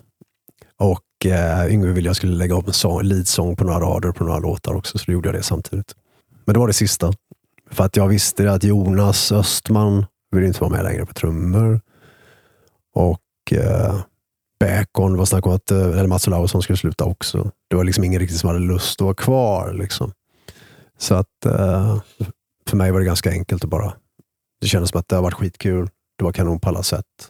Men eh, jag hade en hemmasituation också där jag kände att jag behövde prioritera. Ja, jag hade ingen sån superlust att åka tillbaka än och det kändes lite som att nästa gång kommer jag säkert inte ha lika mycket att säga till om. Då kommer jag bli lite mer som en betald kille på ett annat sätt och det kommer inte vara lika kul och, och de här polarna som var med i bandet kommer inte vara kvar riktigt heller. Så. Vad tänker du på när du ser klipp ifrån Yngve idag? Eller innan pandemin. När du ser scenbygget. Det är liksom 50 Marshall-stackar som tar upp hela Ja. Hela backdropen är hans Marshall-stackar. Sen i ett litet hörn på scenen har han klämt in ett litet trumset. Och några gig ibland ser det ut som det är så singing keyboard. Keyboardisten sjunger lead också. Och sitter, Mm. Ja, bakom, länge. sitter bakom keyboarden som på nå- nå Ålandsbåten. Liksom. Och så springer han runt själv då på hela scenen. Ja, hur, hur, hur tänker du? Hur känns det? Man försöker alltid se hela bilden. Varför det har blivit så som det har blivit. Och någonstans måste man ju börja med... Det har, allting har ju med pengar att göra. Allting har att göra med... Strax efter att jag slutade. Han gjorde ju en platta till. Då fick han ju tillbaka, ta tillbaka Mark Bowles igen. Just det. Heter den Alchemy eller någonting, den skivan? kan den göra. Och då var Chris Sangridis fortfarande, orkade fortfarande vara med ett tag, men han hoppade av innan mixen. Hade han brutit med Andy Truman då? Ja, detta var, Andy Truman var långt tidigare. Just det. Men däremot så bröt han ju sen med Jim Lewis. Någonstans så hamnade det i ett läge till slut där, eh, som den turnén vi gjorde i Japan, det var 14 gig. Nästa turné han gjorde var 5 gig. När han gjorde Alchemy. Han, han tappade väldigt mycket. Efter Facing the Animal var väl kanske egentligen den sista vettliga plattan som gjordes. Liksom. Som var gjord på rätt sätt. Och sen så handlade det liksom plötsligt bara om att spara pengar och tjäna pengar i hans fall. Så jag tror väldigt ofta att han fick ett förskott för att leverera en skiva. Och då, då började det sparas på kostnader. Och när det inte finns någon annan runt omkring som ser till att styra skeppet, då blev det inte lika bra. Varken soundmässigt eller kanske låtskrivarmässigt heller. Det finns ingen som ifrågasätter någonting. Liksom. Å andra sidan så ska man ju komma ihåg att det kanske var skitbra för Yngve rent personligt med alltihopa. Med, eh, de fick barn, han och April, då när jag var med. Och han fick någonting som, som var en familj till slut. Liksom, som han kanske inte haft tidigare. Å ena sidan kan man ju då tycka att det är tråkigt att han kanske bröt med väldigt mycket kompisar och alltihopa. Men det kanske var en förutsättning för att det livet han har ska fungera som det gör. Liksom. Han hade väl en speciell situation. Och det får man ju respektera. Och Sen har han ju liksom försökt från och till. Då, liksom, han körde ju med Dougie White där. Eh, och hade ett fungerande band igen. Och Det var ju Jocke Svalberg på keyboard ett tag. Men det är klart, själva plattorna var ju inte så jäkla roliga. Liksom. Och sen till slut så kommer nästa steg då där man, nej, nu ska jag göra ännu mer själv. Liksom. För att pengarna blir säkert ännu sämre. Liksom. Och då blir det, ja, vad ska vi hitta på nu? Liksom. så att till slut så hamnar det kanske där, där han står nu. Samtidigt kan jag tänka mig att räddningen för honom ändå de sista tio åren har ju säkert varit att nu har han liksom gått varvet runt och kommit in i legendstatusen. Liksom. Mm. Vilket ju ändå då har gjort att han har säkert mer endorsements och sånt idag från de stora märkena och sånt. Att den typen av inkomster säkert fungerar. Och så är det klart att han har en backkatalog fortfarande som går att dra in pengar på. Men det är klart, det är lite tråkigt att se när han står och Youtube-klippen man har sett. Och han kapar liksom verser och sånt och refränger och tar bort dem bara för att komma snabbare in på solot. Och, men samtidigt så vet man ju det att det, man har alltid hört folk säga, liksom, tänk om Yngve kunde ha gjort så. Ja, men det, det är ingen idé att tänka det, för att det, det finns inte. Liksom. Det är alldeles för svårt att styra upp en sån sak och han är inte intresserad av det. Liksom. Han, har sin, han har sin värld och sin bubbla och låt honom ha det. Liksom. Det är cool. Det får han väl göra. Men du själv där efter Yngve-perioden, Mm. eh, ledsnade lite på hårdrocken och ja, raka av dig håret och så. Ja, just det. Ja, men, jo, men eh, när var det? Det var 98, 99. Så. Ja, men jag gjorde ju lite Gjorde du en Britney? Ja, just det. Nej, men jag gjorde ju eh, liksom, vad gjorde jag där sen? Det var väl återigen en sån här period när man liksom, okej, vad händer efter Yngve liksom? Eh, Finns det ett liv efter Yngve? ja, precis. Nej, men det blir lite, för det första blir det lite så okej, man hoppas att man kanske ska få ett annat vettigt gig med någonting. Och det är klart att man fick ju, man fick ju en hel del förfrågningar från olika grejer, men någonstans om man ska vara helt ärlig så var ju liksom inte Yngves musikstil, det var ju inte riktigt min musikstil egentligen. Eh, Så att alla andra band som höll på med likartad musik hörde av sig. Då var det liksom inte lika intressant längre. Liksom. Jag hade redan gjort det kände jag. Eh, men jag gjorde ju fortfarande lite plattor. där. Jag gjorde ju Subtail med Kulle gitarr och jag gjorde Pontus Norgren soloplatta. Och jag gjorde platta med Dogface där 2000. Och ja, jag kommer inte ihåg hur man försörjde sig, men det, någonstans var det ju så att jag tjänade lite pengar med Yngve där också. Så att jag hade ju lite tid på mig att liksom känna efter också vad jag ville göra. På något sätt. Och eh, det var väl där kring den perioden man spelade ganska mycket. Man körde covers mycket som fasen med, med Kulle och man spelade på Anchor. Och liksom, man höll på att lira ganska mycket ändå. Liksom. Vi gjorde nog ganska mycket gig. Alltså. Men jag hade inte gjort någon jag hade inte gjort någon turné egentligen eh, efter Yngve förrän jag gjorde Advance 2002. 2002, 2003 var det nog kanske. 2003 var det ja. Så att, och Advance, då tyckte jag mest att det var kul att få göra en turné igen. Saknade att få komma ut och köra en sväng. Liksom. Tysk power metal. Ja, lite så. Fast lite glättigare än power metal. Lite snällare. Liksom. Men du efterträdde någon? eh, Oliver Hartman. Hartman just det. Oliver Hartman, ja. Och sen efterträddes du av eh, Rick Altsey. Just det. Eller hur? Precis. Just det. Alltså att jag gjorde två plattor med, eh, med Advance. Och det var precis då 2002-2003 som jag började göra Crux-plattorna med Leif Edling Just det. igen. Och under den perioden så hjälpte jag ju Canamas med demoinspelningar för Canamas också. Och det här det. när de höll på med Tony Martin och man skulle vara med. Och jag sjöng in de låtarna så Tony fick höra dem. Och liksom lite Har. Tony varit på tapeten? Det har jag missat. Ja, jo precis. Det. Men du vet, Canamas-storyn tar aldrig slut. Liksom. De gjorde en reunion först med de gjorde ju en reunion-turné med Messiah. 2005 va? Ja, och sen, så, och sen så gjorde de liksom plattan som de fick Grammy för. Den vita plattan. Eh, men jag kommer inte ens ihåg när det med Tony Martin var, om det var Som innan. Laney var med och spelade in tror jag. Ja, precis. På Polar. En av de sista plattorna som spelades in på Polar. Just det. Men, eh, ja, nej, men så att jag och Leffe, vi, vi, liksom, vi, var, vi, hade, vi var ett polargäng där. Leffe Edling och Jejo Perkovic. Carl Westholm, keyboardkillen med Abstrakt och Crux. Och, eh, Dr. Karl. och Uffe Edlund. Dr. Karl ja. Och så Uffe Edlund också. Så att vi, vi var sådana gäng som hängde mycket tillsammans. Och eh, därigenom så började jag göra, göra demos för Leif. Eh, och ibland visste man liksom inte om det var Krux-demos eller om det var Cannabis-demos. Okej. Lite så var det. Men det blev i alla fall Krux då. Och eh, Krux var ju liksom återigen, precis som abstrakt algebra, någonting som jag tyckte var jävligt kul och jävligt bra. Liksom. Och som jag drogs åt. Som jag, som jag kände att jag, jag diggar det här stuket som fan. Liksom. Det känns, jag, pass, jag kände att jag passar in där. Liksom. På ett skönt sätt. Och det var lite skönt också att inte vara med och skriva utan bara vara ett instrument. Liksom. Ja. Krux har ju haft den tuffaste backdropen ever på eh, Sweden Rock. Ja, 2007 ja. ja. Det var min idé där. Ja, Det hissade upp.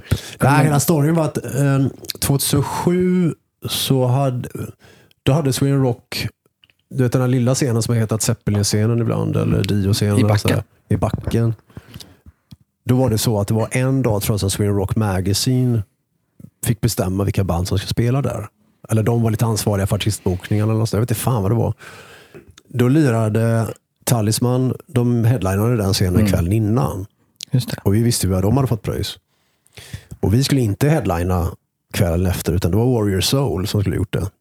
Men de ställde in. Och vi skulle spela redan fem på eftermiddagen. Så jag tror att de flyttade upp oss och satte oss på den spotten. Liksom. Men eh, vi fick noll kronor i gage och 2000 spänn i bensinpengar. Det var vad vi fick i gage för att lira där. Och, eh, och våra tröjor som vi hade med oss, de fick vi inte sälja vid merchstånden vid Zeppelin-scenen. Utan de såldes borta vid stora scen där Heaven and Hell spelar ju då. Och vi fick inte ta våra priser för tröjorna, utan vi fick ta samma priser som uh, Heaven and Hell tog för sina tröjor. Ja. Så vi- vi spelade där, jag vet inte hur mycket folk det var när vi lirade det gigget. Men vi sålde tre tröjor. Ah. Så vi hade med oss egna svarta tröjor med bara det enkla kruxtrycket på. Och de sålde vi bara vid scenkanten efter giget var slut. Vi bara, fuck it, kom hit och köp tröjor liksom. Du vet. Ja, Det var därför ni hissade upp tröjan. Och eh, då sa jag att vi har ju fan ingen backdrop liksom. Vi har inga pengar liksom. Okej, vi tar den minsta jävla tröjan. Har vi någon smål liksom? Hissa upp den. Det får bli backdropen liksom. Och ni inledde liksom konserter med det, alltså, så det var något slags högtidligt. Ja, ja. Nästan Ja, vi hade säkert fanfar ett vill jag minnas. Jag kommer ihåg att jag sa någonting om att... Lite Spinal Tap sådär. Ja, ja. Jag kommer ihåg att jag sa någonting om att det, det var vad pengarna räckte till för, för gaget. Liksom. Du vet. Men det var ett jävligt kul gig. Det var bra gig. Det var roligt gig. Eh, Ja, det var bra vill jag Men minnas. då hade vi släppt den andra skivan. Tvåan hade vi släppt då innan det. Men Kruxon så är något som ligger mig väldigt varmt om hjärtat. Väldigt, eh, väldigt glad över alla de tre skivorna. Så. Ett jävla bra gäng. Och några av de giggen vi gjorde liksom de roligaste spelningarna jag har gjort känner jag. Bland annat det Sweden Rock-giget. Jag skulle inte förvåna mig om Leffe kanske hade någon slags inställning att göra tre plattor med Krux ungefär. Liksom. Så den sista gjorde vi då 2011, 2012. Och sen kom Riktigt jag bra med Cannabis också. 2012 egentligen, eller började hjälpa dem. 2012. Och sen så började han göra Doomsday Kingdom, gjorde han en platta. Och, så, och så gjorde han Avatarium också. Som väl han mer och mer har släppt nu kanske. Men så han har ju hela tiden haft sina små grejer eh, som han har gjort. liksom. Om jag har förstått det rätt så har väl du lagt sång på alla Candlemass demos sedan 2005? Nej, alltså den första vita, första vita plattan, den som Messiah är med på, där hade jag ju demat en hel del med Leif i replok- eller hemma hos mig. Så då spelade jag liksom alla instrument och allting och la sång. Eh, eller jag hade trummaskin. Liksom. Och gjorde bara superenkla demos för de andra killarna i bandet så att de skulle kunna gå ner i replokal och alla var lite förberedda. Liksom. Det var det som var tanken. Och eh, sedan plattan efter där var ju problemet att då ville de inte ha med Messiah. Då bråkade de med Messiah. Och det var det, den plattan som blev King of the Grey Island. Och då hade de ingen sångare, men Nuclear Blast ville ju höra nya materialet. Så att då fick jag åka upp till Chris Laneys studio i Gröndal och bara sjunga igenom hela plattan. Så jag sjöng in hela den plattan på tre timmar eller någonting. Eh, så att Nuclear Blast skulle kunna höra den. Liksom. Och sen så eh, fick de ju tag på Robert Lowe sen, som, som blev sångare i bandet. Och, men sen efter det, så jag har inget direkt minne av att jag demade så jäkla mycket låtar på de plattorna som kom sen. Alltså. Jag var med och sjöng kör på Lucifer Rising-låten. Och det gjorde jag borta med Chris Lane igen, fast på Polar borta vid Hornstull då. Och sen den sista Samsplattan som jag gjorde med Robert, tror jag bara att jag gjorde några små vissgrejer bakgrunden. Jag kommer fan inte ens ihåg. Jag kommer inte ens ihåg. Men, men det var ju så här ytterligare skön dispyt med Leif jag hade där då när jag och Lotta gifte oss 2010. Så åkte vi på smekmånad till Thailand. Och så äh, hade vi fixat någon sån här schysst eh, bröllopssvit, kommer jag ihåg, någonstans på Kolipe. Där de till och med hade internet. Så att, jag gick ut och, och jag hade med mig min dator. Då. Och så gick jag ut och såg på Blabbermouth att det hade släppts en Candlemass-box. Där eh, hela, hela plattan King of the Grey Island med min sång var med som en av plattorna. Och eh, alla mina så här, demos jag hade gjort med Leif i min lägenhet bara så här, på tjoflöjt.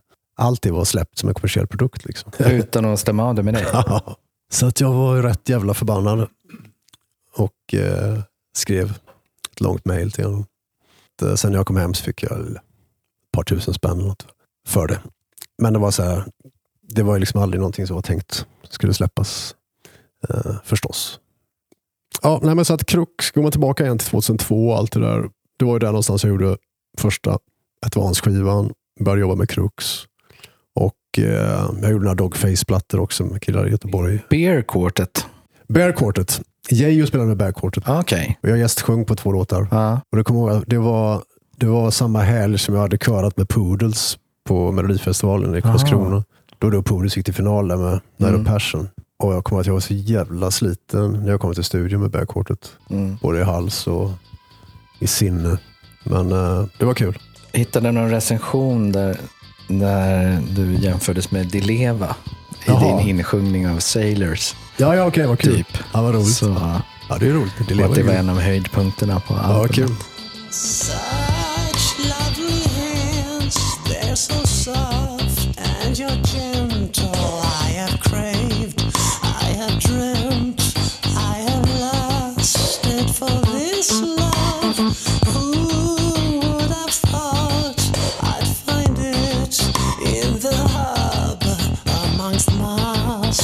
Ja,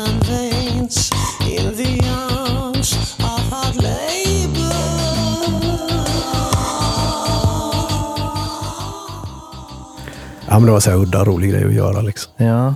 Men som sagt, om man tillbaka till 2002 och det där, så då, var det ju, då hade jag ju en period där jag var liksom, eh, jag var liksom bara trött på att vara en hårdrockare på något vis. Liksom. Så jag, eh, jag rakade av mig skallen och tyckte det var rätt skönt ett tag.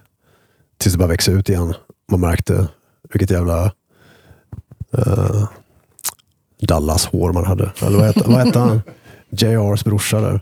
Bobby Ewing. Ja, Bobby Ewing. Ja, det blir värsta Bobby Ewing-frillan. Jag har ju så jävla krulligt hår. Liksom. Så jag så vad fan ska jag göra med det här jävla håret? Liksom? Så var det skitjobbigt ett tag där.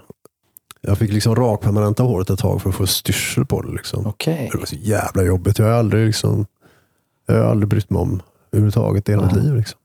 Så att det var jävligt mäckigt. Men sen när jag kom med i, när jag började lira med Therion där, 2004 åkte jag iväg på, på turné med dem. Det hade liksom börjat växa så pass långt så att då, blev man lite rocker. Mm. så då var, då var jag tillbaka igen i de gamla skorna. Liksom. För jag hade, gjort, jag hade gjort gig med Johan Nyman Mm. och Kulle och ibland Ricky Evansson på trummor.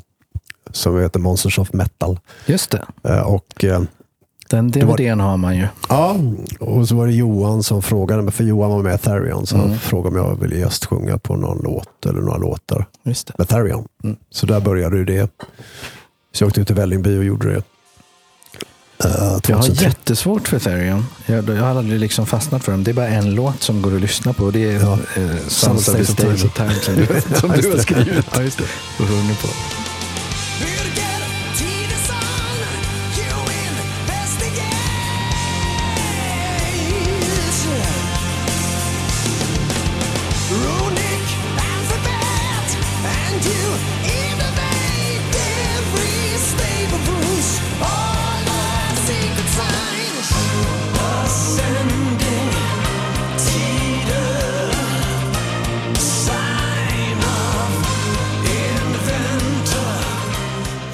Ja, men Therion är jättekonstigt. Det, jag hade ju liksom aldrig hört talas om Therion.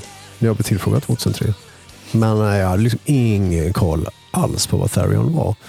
Men eh, det är en, eh, en hel del av det som jag liksom lärde mig uppskatta när jag väl bara repa in det och alltihopa. Det finns ju en väldigt, väldigt mycket låtar med Therion förstås, som låter helt olika. olika Och att de ställen. har ett gigantiskt following Ja, ja. över hela världen.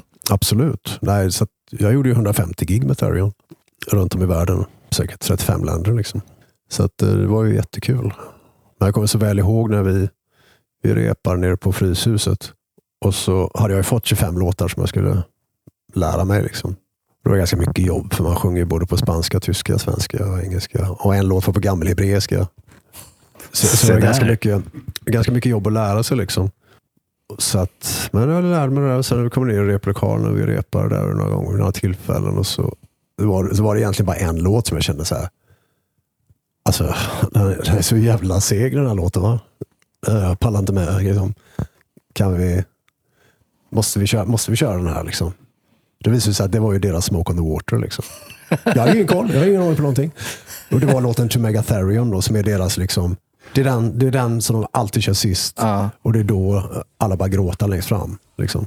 Och den ville du skippa? Ah, jag fattar ingenting. Jag fattar, vad är, vad är Men lärde du dig uppskatta den Ja, ja. live sen gjorde när, ju- du såg det gjorde man ju sen, liksom, ja. Man spelade live och alltihopa. Så, eh, jätteknasig låt fortfarande, men absolut. Visst lärde man sig uppskatta den. Alltså. Ja. Men det var konstigt i början.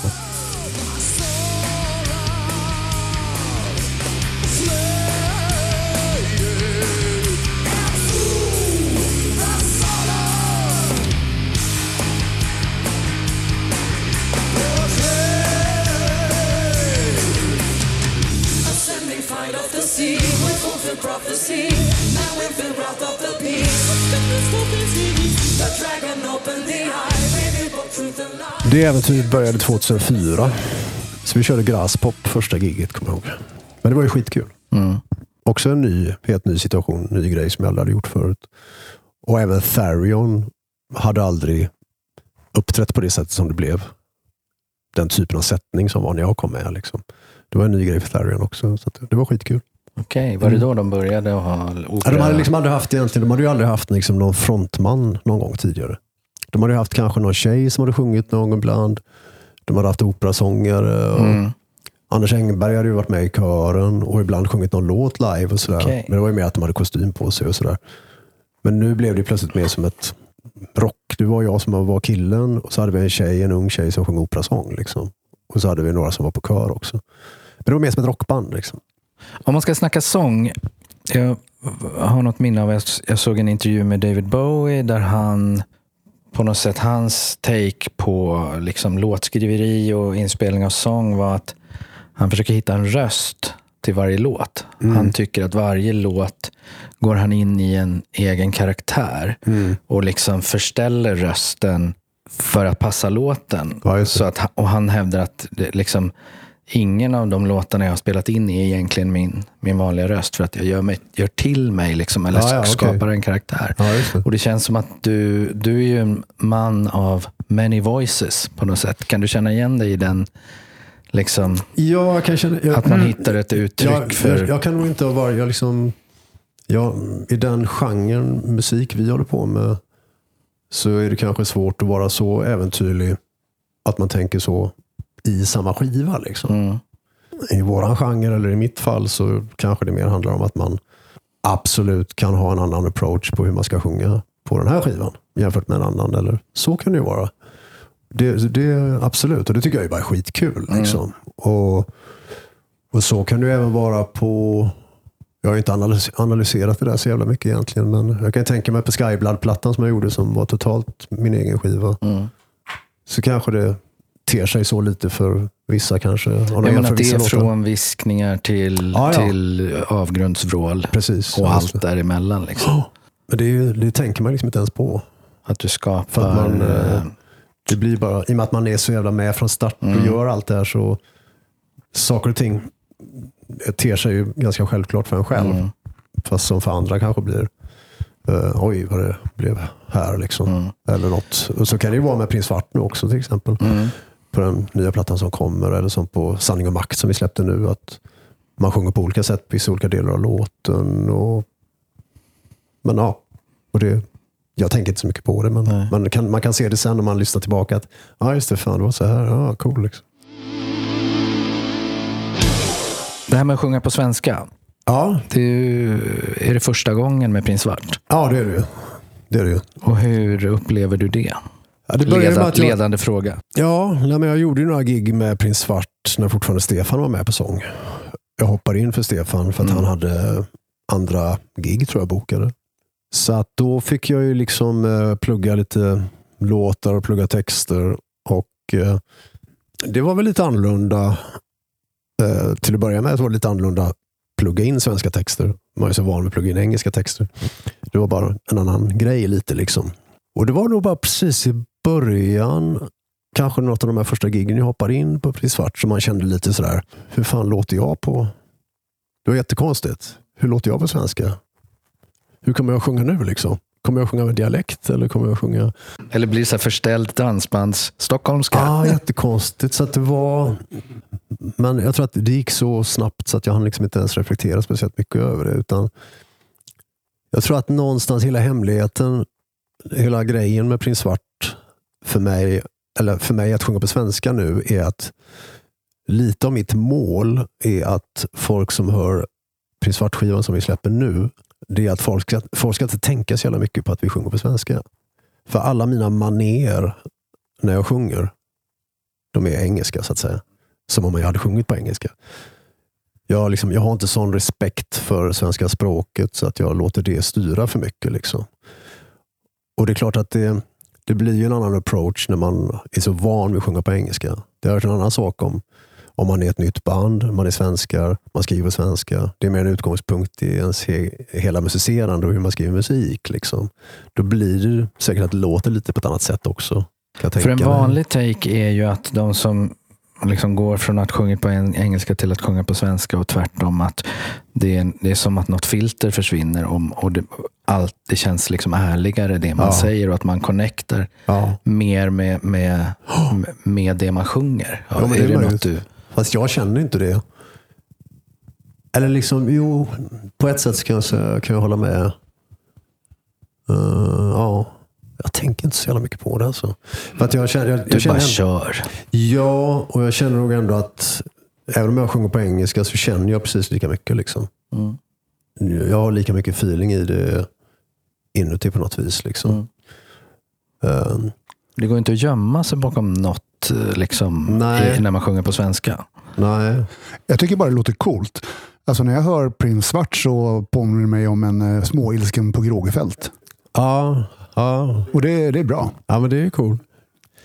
Nej, men jag, jag tyckte nog redan att faktiskt det var det som jag tyckte var bra med Prins Svart när Stefan sjöng också var att jag tänkte direkt på Micke Rickfors när jag hörde Mm. Stefan på första Prins Svart-skivan. Jag tyckte det var jävligt coolt. Jag tyckte det var jävla kul att höra Stefan. Eh, för jag har inte lyssnat så mycket på de banden han har varit med tidigare, men jag tyckte att fan vad det här passar bra. Liksom. Fan vad det här bra jobb han har gjort här. Liksom. Det här låter skitbra. Liksom. Och han hade kanske lite av den approachen också. Att ha sjungit mycket på engelska tidigare. Mm.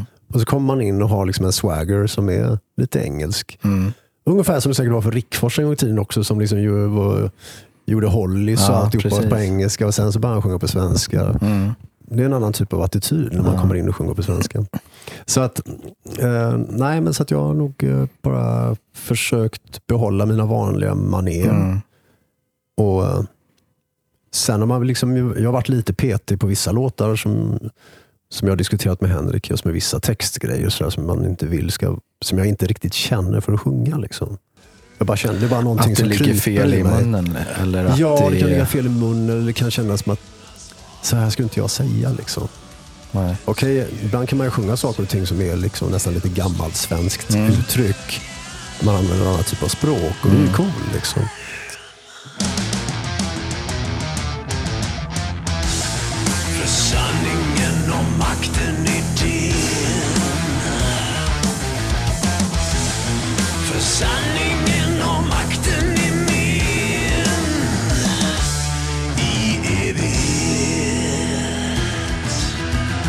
Nej, men så att eh, i alla fall försöker ha en, eh, en engelsk approach tror jag. Mm. Till det hela. Liksom. Och jag, ja, Jag, jag tänker verkligen inte mycket på. Jag är Nej. förvånad själv faktiskt över hur lite jag tänker på att det är på svenska. Jag har en fråga här. Om jag säger Whopper, Whopper. vad säger du då? Ja, alltså inte som i hamburgaren utan som i War Operation Plan Response. Oj, vad är det för någonting? Ja, Det är datorn i filmen War Games. Ja, Matthew Broderick eller? Ja, är det inte så att du påbörjade en soloplatta för 20 år sedan som då var namngiven efter Nej! War Games-starten? Oj, vilken, vilken rolig fel eh, grej. Ja, ja, Nej, mitt projekt heter HAL International. Ah. Efter datorn HAL 2001. i 2001. Stanley Kubrick-film. Men vilken skön... eh, Men det var en skön ja, fel. du har fått felinformation från en C-ledning. Okej. Nej, det, det, hette, alltså, det är så en jävla lång story bakom det där. Alltså, så, som sagt, Jejo Perkovic är min bästa polare. Vi bodde på Söder i många år samtidigt. Och du vet när man är polare så man, man håller på att snacka massa skit hela tiden. Och man plötsligt bara, bara man kallar varandra för grejer. Så jag vet inte fan. Det började bli en slags skämtgrej att vi kallade mig för du vet han, Geijer bara såhär, oh Mr Lewin, du vet han. Du vet sådana grejer. Liksom. Då kom jag på liksom att, att jag, fan jag borde heta egentligen Hal Low Ween. Liksom, eller, så eller Halloween. Liksom. Fan, jag borde, mitt scenen borde varit Halloween. Liksom. Du vet. Ja, du vet, vi bara på att snacka skit. Du vet, så vi bara snacka massa skit. Liksom. Och sen plötsligt så utvecklades det till, när jag skulle göra mina egna grejer, att det blev så här Hal. Och då kallade jag det för Hal International. Så därifrån kommer det en grej. Så att eh, mina gamla... Är det det som har lett fram till eh, Skyblood? Absolut. Det, den känns ju väldigt filmisk. Absolut. Ja, men det, det stämmer. Alltså jag, jag hade ju, liksom, som jag sa förut med Yngve, redan 97-98 hade jag ju låtar, eller någon låtar som jag hade tänkt för honom. Och sen när jag slutade med Yngve, då lirade jag in en demo med Ricky Evensand på trummor, Nalle Paulsson bas och Anders Wikström på gitarr. Ute, eh, Jan Elmqvist och Niklas Flykt hade studio tillsammans. Och då lirade jag in några låtar och någon av de låtarna, eller en av de låtarna blev den låten som jag gjorde videon till till Skyblood. Som heter The Not for God.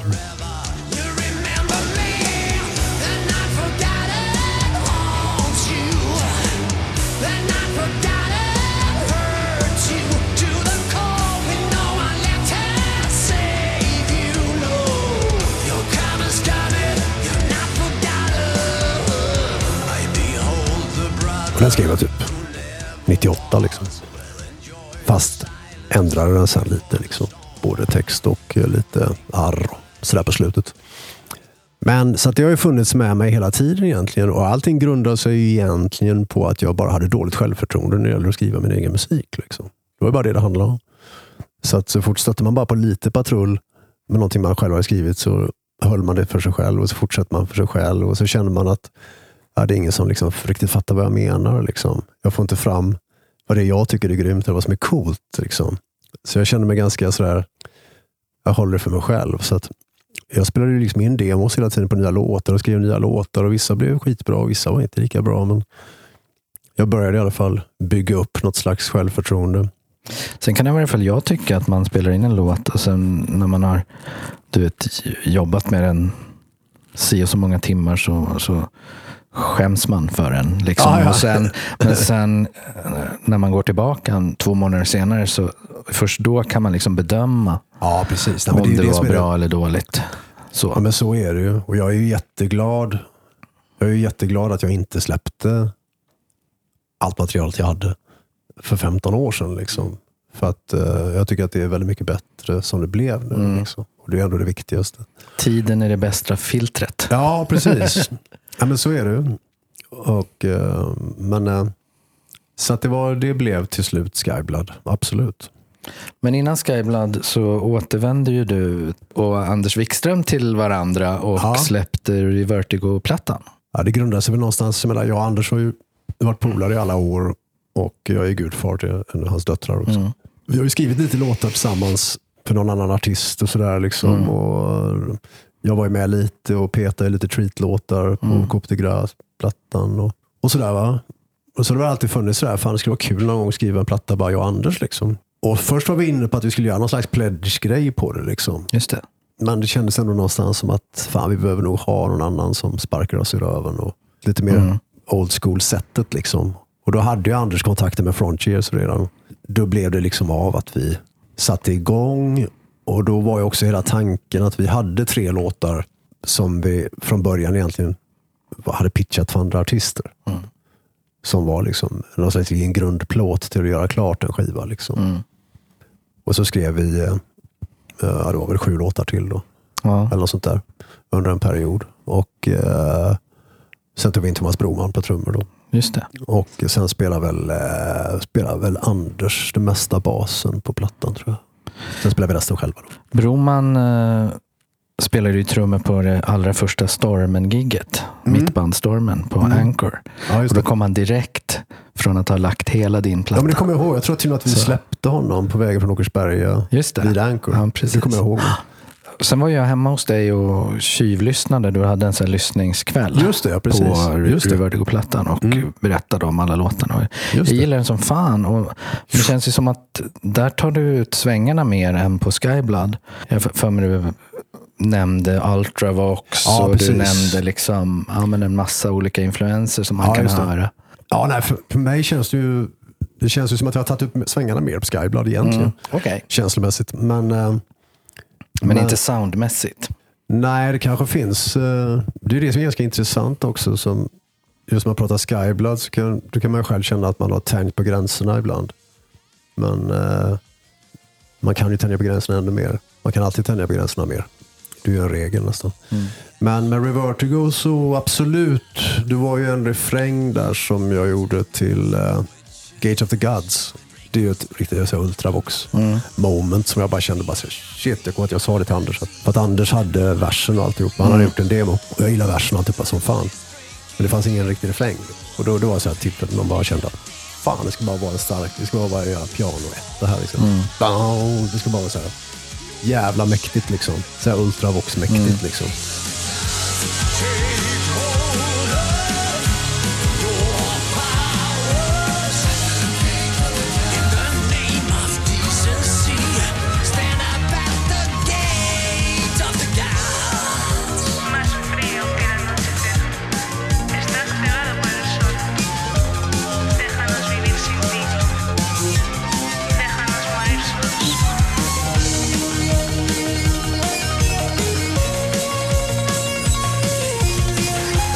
Det var skitkul. Ja.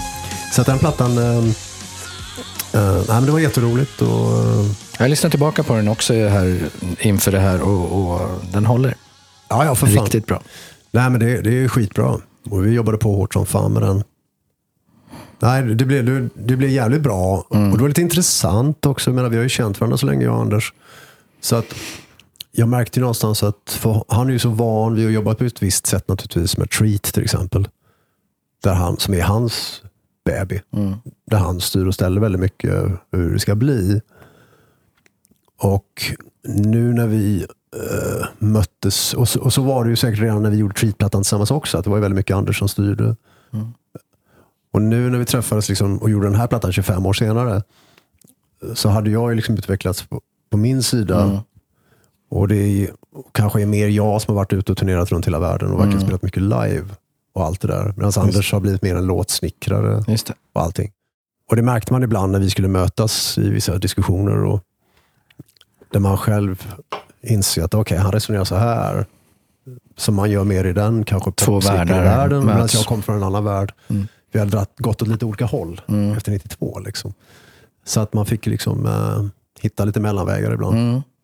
Men jag, på det stora hela tyckte jag att det blev jättebra. Det var, det var väldigt kul att ha gjort det. Liksom. Du har ju gästat vår eh, hyllningsgala till Phil Lynott, Kings Call, Ja, absolut. i stort sett varje år sedan vi drog igång den 2009. Var det 2009 första året? Ja, så? 2009 Var det på KGB? januari. På KGB, Ja. precis. Men det är en ära att ha haft dig som gäst. Och sen minns jag om det var första eller andra året så hörde du av dig och säger att du har en god vän som heter Jimmy Lagnefors som Ja, älskar precis. Det var på skyddsrummet då. Ja. Eller hur? Som vi körde. Så, så tack vare dig har, har Mm. vi fått en vän för livet i Jimmy Lagnefors också. Ja, precis. Ja, det måste ju varit... Ja, just det. Hur många år körde ni på skyddsrummet? Två. Ja, just det. För, att, för Robbo var ju med något Ja, år. Robbo var, kom som gäst och, och hängde lite i vippen. Ja, men jag kommer att vi körde Holy War någon gång där. Med Marcus och Pontus gjorde jag. Just det. Ja, men ni körde med Nalle, och Broman. Broman, Marcus Och då Pontus. har jag för mig att vi körde Holy War. Absolut. Men Jimmy där, hur Mm. går ni way back? Liksom? Nej, det kan man ju tro eftersom Jimmy är från Göteborg också. Men, Ja. men eh, jag kände inte Jimmy på den tiden och han flyttade väl upp till Stockholm tidigare än mig. Hans tjej Tia hade Dancing Dingos på uh, Skånegatan. Okej. Ett ställe där man kunde hyra in sig för privata fester och sånt. Ah, Så att jag hyrde in mig där när jag skulle ha min 40-årsfest. Och då körde Jimmy, var liksom med på festen och var lite discjockey och körde Okej. plattor och sånt. Liksom. ja. Det var väl där någonstans som det började att blev lite Chen Nixon där. Mm. Och så började vi liksom, och han spelade mycket fotboll med olika gäng så här liksom, så jag fick haka på någon gång och spela lite Mm. Fotboll. Och då började jag höra talas om att han skulle skriva, eller att Uffe Malmros skulle göra en film om Bröderna Hårdrock. Och eh, Jimmy hade ju liksom inte sån jättekoll på den världen och metalmusik och allt det där. Eh, Vi, vi snackade nog bara lite om Bröderna Hårdrock, att jag visste vilka de var och att jag kände dem lite. Liksom, och, Mm. och sådär.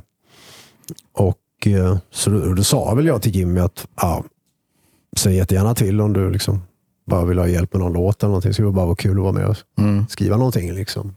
Det var inte mer än så. Och sen som det utkristalliserade sig så eh, blev det liksom så att han släppte in mig. Och så skrev vi liksom låtarna tillsammans. Mm. Det som blev Ludor-plattan. Det som blev Ludor, ja. Och eh, plus att min svärfarsa Jens Fischer filmade filmen också. Jaha. Jens Fischer, din Det var, det svärfarsa. var ännu roligare. Ja, Lottas pappa ja. Så att Ludor var ju super, super roligt. För att det var ju så kul att få sätta sig och skriva låtar där man fick vara kliché. Liksom. Där, man, där man bara fick ha kul. Och så märker man ju då att man hur superenkelt det var att skriva låtarna. Liksom. Det gick så jäkla fort. Liksom. Det där är så märkligt. Det, det är ju väldigt många låtar. Ta, om du känner till Sylvia's Mother och Dr. Hook. Den är skriven som en parodi på Ja. en Top 40-låt. Precis. Vad heter den? Ingen stoppar oss nu med Black Jack. Ja, just det. Skrivet som en parodi på Ja, en ja. dansbandslåt. I was made for loving you med Kiss också. Ja, precis. Också Och, att- och att då blir, det så, då blir det på något sätt så ärligt. Och så, Jo, men det blir så, när du släpper alla liksom, när du släpper alla hämningar och tillåter dig att vara kliché. Mm. Då händer det någonting ifall man... Och det var precis det som hände med Ludor. Så vi hade ju liksom något möte med Uffe Malmros där han förklarade lite vad det var för typ av hårdrock han ville ha. Och så tror jag att vi gjorde så att Jimmy, han satt och spelade in lite riff och sånt där hemma hos sig som han bara mickade upp med en diktafon ungefär och skickade riff till mig. Liksom. Och då fick jag ganska fort sådär, vi bara, fan, det här kan jag göra en diolåt idé till ja. och presentera för Jimmy. Liksom. Så att det gick väldigt fort att göra det. Och så kommer jag ihåg att jag, bara, jag hade någon sån här känsla av att äh, men nu ska jag göra en låt på fem minuter. Nu kör vi. Liksom. Och så skrev jag en låt som heter Piece by Piece. Och så skickade jag den idén till Jimmy. Och han bara, äh, det går inte alltså. Det här är för, det här går, det är för dåligt. Så, här, Jimmy suckar liksom. Så kände att det här var så här, the bottom is nådd alltså. Fan. Och så fick jag Malmros höra det. Han tyckte det var perfekt. Det var ju kanon liksom.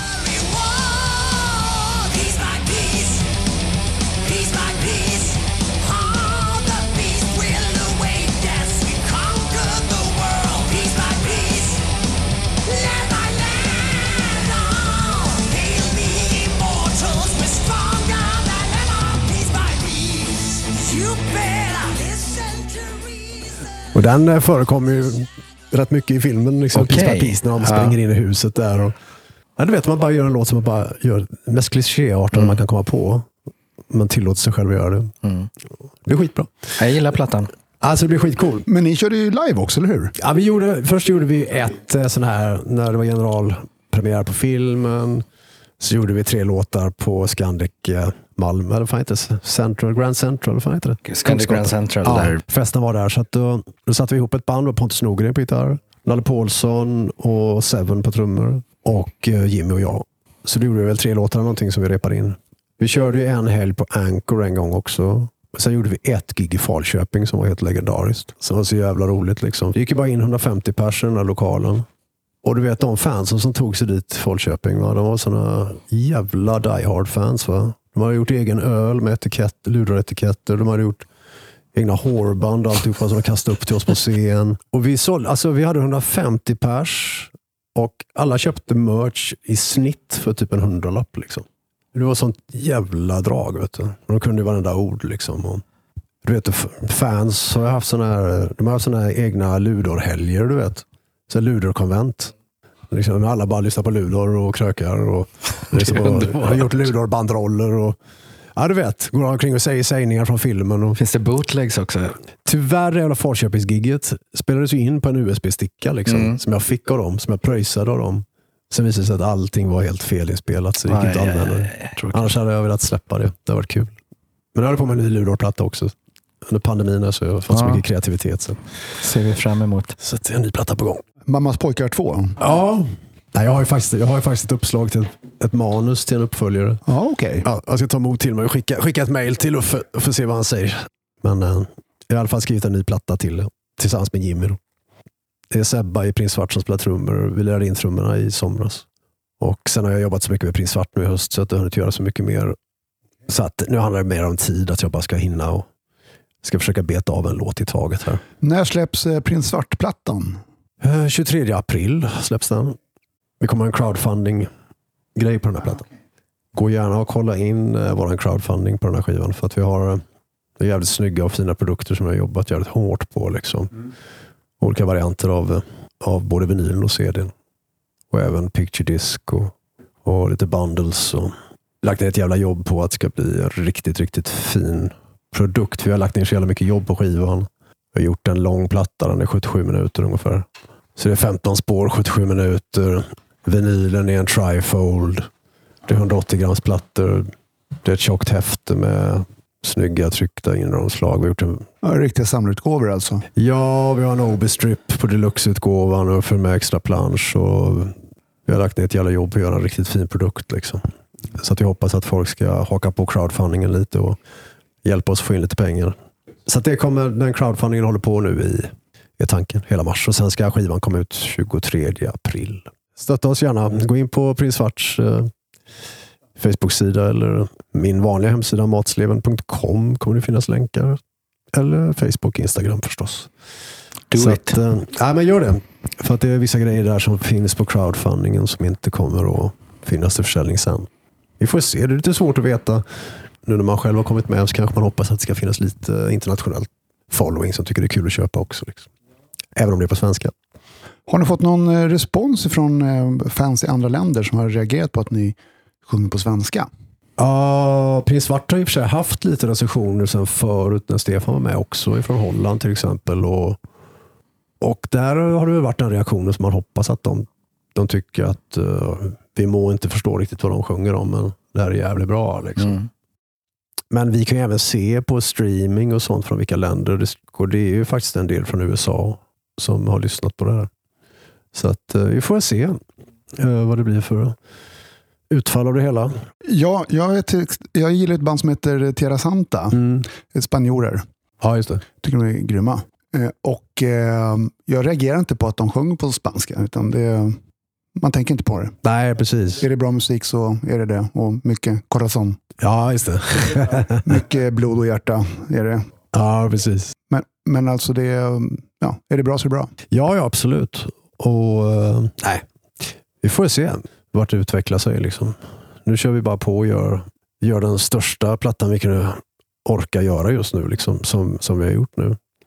Det var ju lite så, det var ju min idé lite också att jag tyckte det var kul att, vara, att få vara involverad på skivan. Skriv, skrivmässigt och känslomässigt och produktionsmässigt. Därför liksom jag föreslog att vi skulle göra en riktigt lång platta. Mm. I och med att en hel del redan var skrivet innan jag kom med. Ja, men precis. Stämmer det att eh, Tobias Forge hörde av sig till dig i begynnelsen av Ghost? Ja, de säger det. Men nej, jag tror inte att Tobias själv hörde av sig personligen. Jag tror att det var en, eh, någon som han spelade med eller kände på den tiden Mm. som kanske frågade mig. Eller hörde av sig med att, det- att det är någon i Linköping som bla bla bla. Liksom. Mm. Jag tror inte det var mer än så. Inte vad jag har minne av i alla fall. Och det fanns inget konkret för dig att fatta beslut Nej, på nej, då? nej, nej. Nej. Tur var väl det. Liksom. Att, det inte var jag, att det inte var jag som sjöng i Ghost. Det hade inte blivit lika stort. Men eh, som sagt, ja det sägs ju att det är så. Ja. jag har inget sånt superklart. Men det finns någon som jag kan tänka mig kanske var den personen som, Ja. som nämnde det för mig. Så du känner dig inte som han som tackade nej till Beatles? Nej, nej, nej, nej. nej, precis. Nej, men, nej, men absolut inte. Jag, menar, jag känner ju Tobias och Mm. jag är bara skitglad för hans skull. Och jag förstår ju liksom hur stor del av hemligheten med Ghost är att det är han som sjunger. Liksom. Så att det, är ju det som är grejen. Så det tycker jag är skitcool. Och Tobias var ju väldigt schysst mot oss i Candlemass. Och med i Candlemass också. Han ställde Mm. upp och uh, han snackar ju eh, på eh, House of Doom specialutgåvan. Uh, och så vitt jag vet är det väl enda gången som pappa, den karaktären överhuvudtaget varit med på en annan skiva än med Ghost. Liksom. Mm. Och sen fixade han ju in oss på Polar också, på Polar Music Prize där vi spelar för Metallica. Så Tobias är ju kanon. Sen har vi det som står på din tröja här. Ja, ja. Vi har redan konstaterat att eh, Mats har eh, fantastiska kläder på sig idag. Ja, ja, självklart. Eh, bland annat eh, Perle Line-strumpor, Blondie. Ja. De är fantastiska, verkligen. Jag har ju Debbie Harry stående i, i fönstret. Perfekt timing. Du har ju Debbie på strumporna. Ja, det är hårt. Ja, Och, och så har du en collegetröja på det. ja, Så det står Trans-Siberian Orchestra. just det. Just det. Där du var med i några år. Ja, precis. Ja, det var också en sån grej som är lite, lite Leif Edling-relaterat faktiskt. Vi pratar om att Leif har varit viktig. När jag var med i Candlemass, så 2015 så hade vi, vi släppte ju en EP då som heter Death I Lover 2015. Och det var lite för att 2016 var liksom någon slags 30-årsjubileum för Candlemass. Så 2016 var tanken att Leif skulle komma tillbaka på scen. Han har, han har inte varit med live några år för att han har varit sjuk. Så 2016 skulle bli ett sånt, år när vi verkligen skulle fira 30 år med Candlemass och spela större festivaler och sälja in det som ett, något, något speciellt som skulle hända. Liksom. Så att vi släppte, ja, allting sprack i alla fall. För att Leif ställde in allting 2016. Eh, mitt i allt vi hade planerat allting. Så att i början av 2016 så satt jag uppe i studion eh, hemma och eh, bara funderade på "Jaha, hur ska det här året se ut. Liksom. Eh, och var lite, liksom, lite uppgiven där. Och då, då tänkte jag att ja, jag har haft liksom lite människor runt omkring mig under åren som har frågat om jag hade funderat på Trans-Siberian Orchestra någon gång. För jag kände ju till Trans-Siberian Orchestra. Förklara för den oinvigde. Jo, alltså hela och grunden till Trans-Siberian Orchestra är ett eh, hårdrocksband som heter Savatage. Men Savatage hade en eh, producent som hette Paul O'Neill. Paul älskade John Oliva i Savatage och började jobba med dem. Och gjorde ett antal skivor med dem. Gutter Ballet. Gutter Ballet, ja precis. Någon gång i, på 90-talet där så fick Paul O'Neill, han höll på att jobba med en platta med Savatage. Och fick samtidigt någon slags förfrågan från någon eh, tv-kanal i USA. Där de behövde musik till någon slags julspecial som skulle sändas eller vad det nu var. Liksom.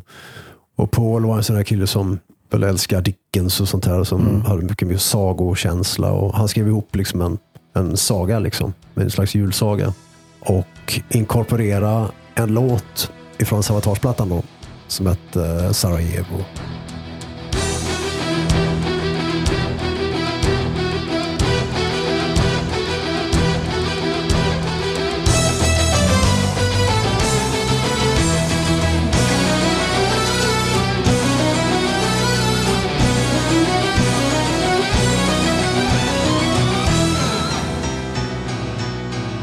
Den låten eh, blev sedermera lite längre fram sen en hit när de kallade den för Trans-Siberian Orchestra och skickade ut till diskjockeys och sånt i USA.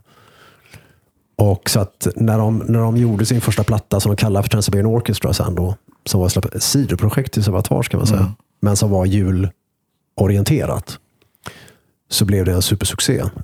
Och det var ju liksom på 90-talet. Och eh, så gjorde de första turnén kanske 99 någonting.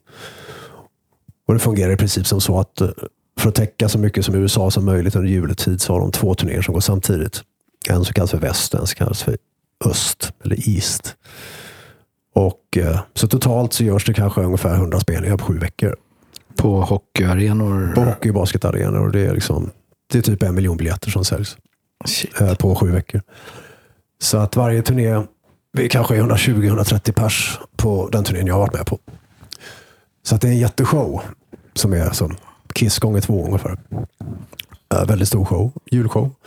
Och eh, då 2016 så tänkte jag, fan jag har ingenting att förlora på att bara skicka ett mail. Liksom. Så jag skrev då till managementet och sen två dagar senare så satt jag, eller en vecka senare så hade jag liksom en Skype audition i princip med tjejen som var castingansvarig. Så jag hade väl tur att det året när jag hörde av mig till dem så fanns det liksom ett par vakanta platser på West. Så att jag, det gick väldigt fort det där. Så att sen på vintern 2016 så gjorde jag min första turné med dem. Då. Så att man är borta två månader, man kör november, december. Liksom. Och då åkte du samma turné som Jeff Scott Soto Ja, till precis. exempel. Jeff hade gjort detta ända sedan han slutade med Journey. Just det. För Al Pitrelli som är kapellmästare på West. Al kände ju Jeff lite. Och Jag tror han hörde av sig till Jeff efter att Jeff försvann från Journey. Så det giget tror jag han fick då, 2009 eller någonting kanske. Så att Jeff har ju varit med varje år och liksom blivit den killen på West som är rocksångaren som har varit med hela vägen. Liksom. Och på öst så är det till Russell Allen från Symphony X som har lite den rollen. Ja, så att jag gjorde det 2016, 17 och 18. Och sen eh, 19 så bytte de show, för de har liksom en viss saga som de kör. Och så kör de den sagan kanske i tre, fyra år. Och nu när de bytte saga 2019 då fanns det liksom inte så mycket plats för så många rocksångare som vi var. Vi är ju många sångare. Vi är ju fem manliga och fyra, fem kvinnliga. Liksom.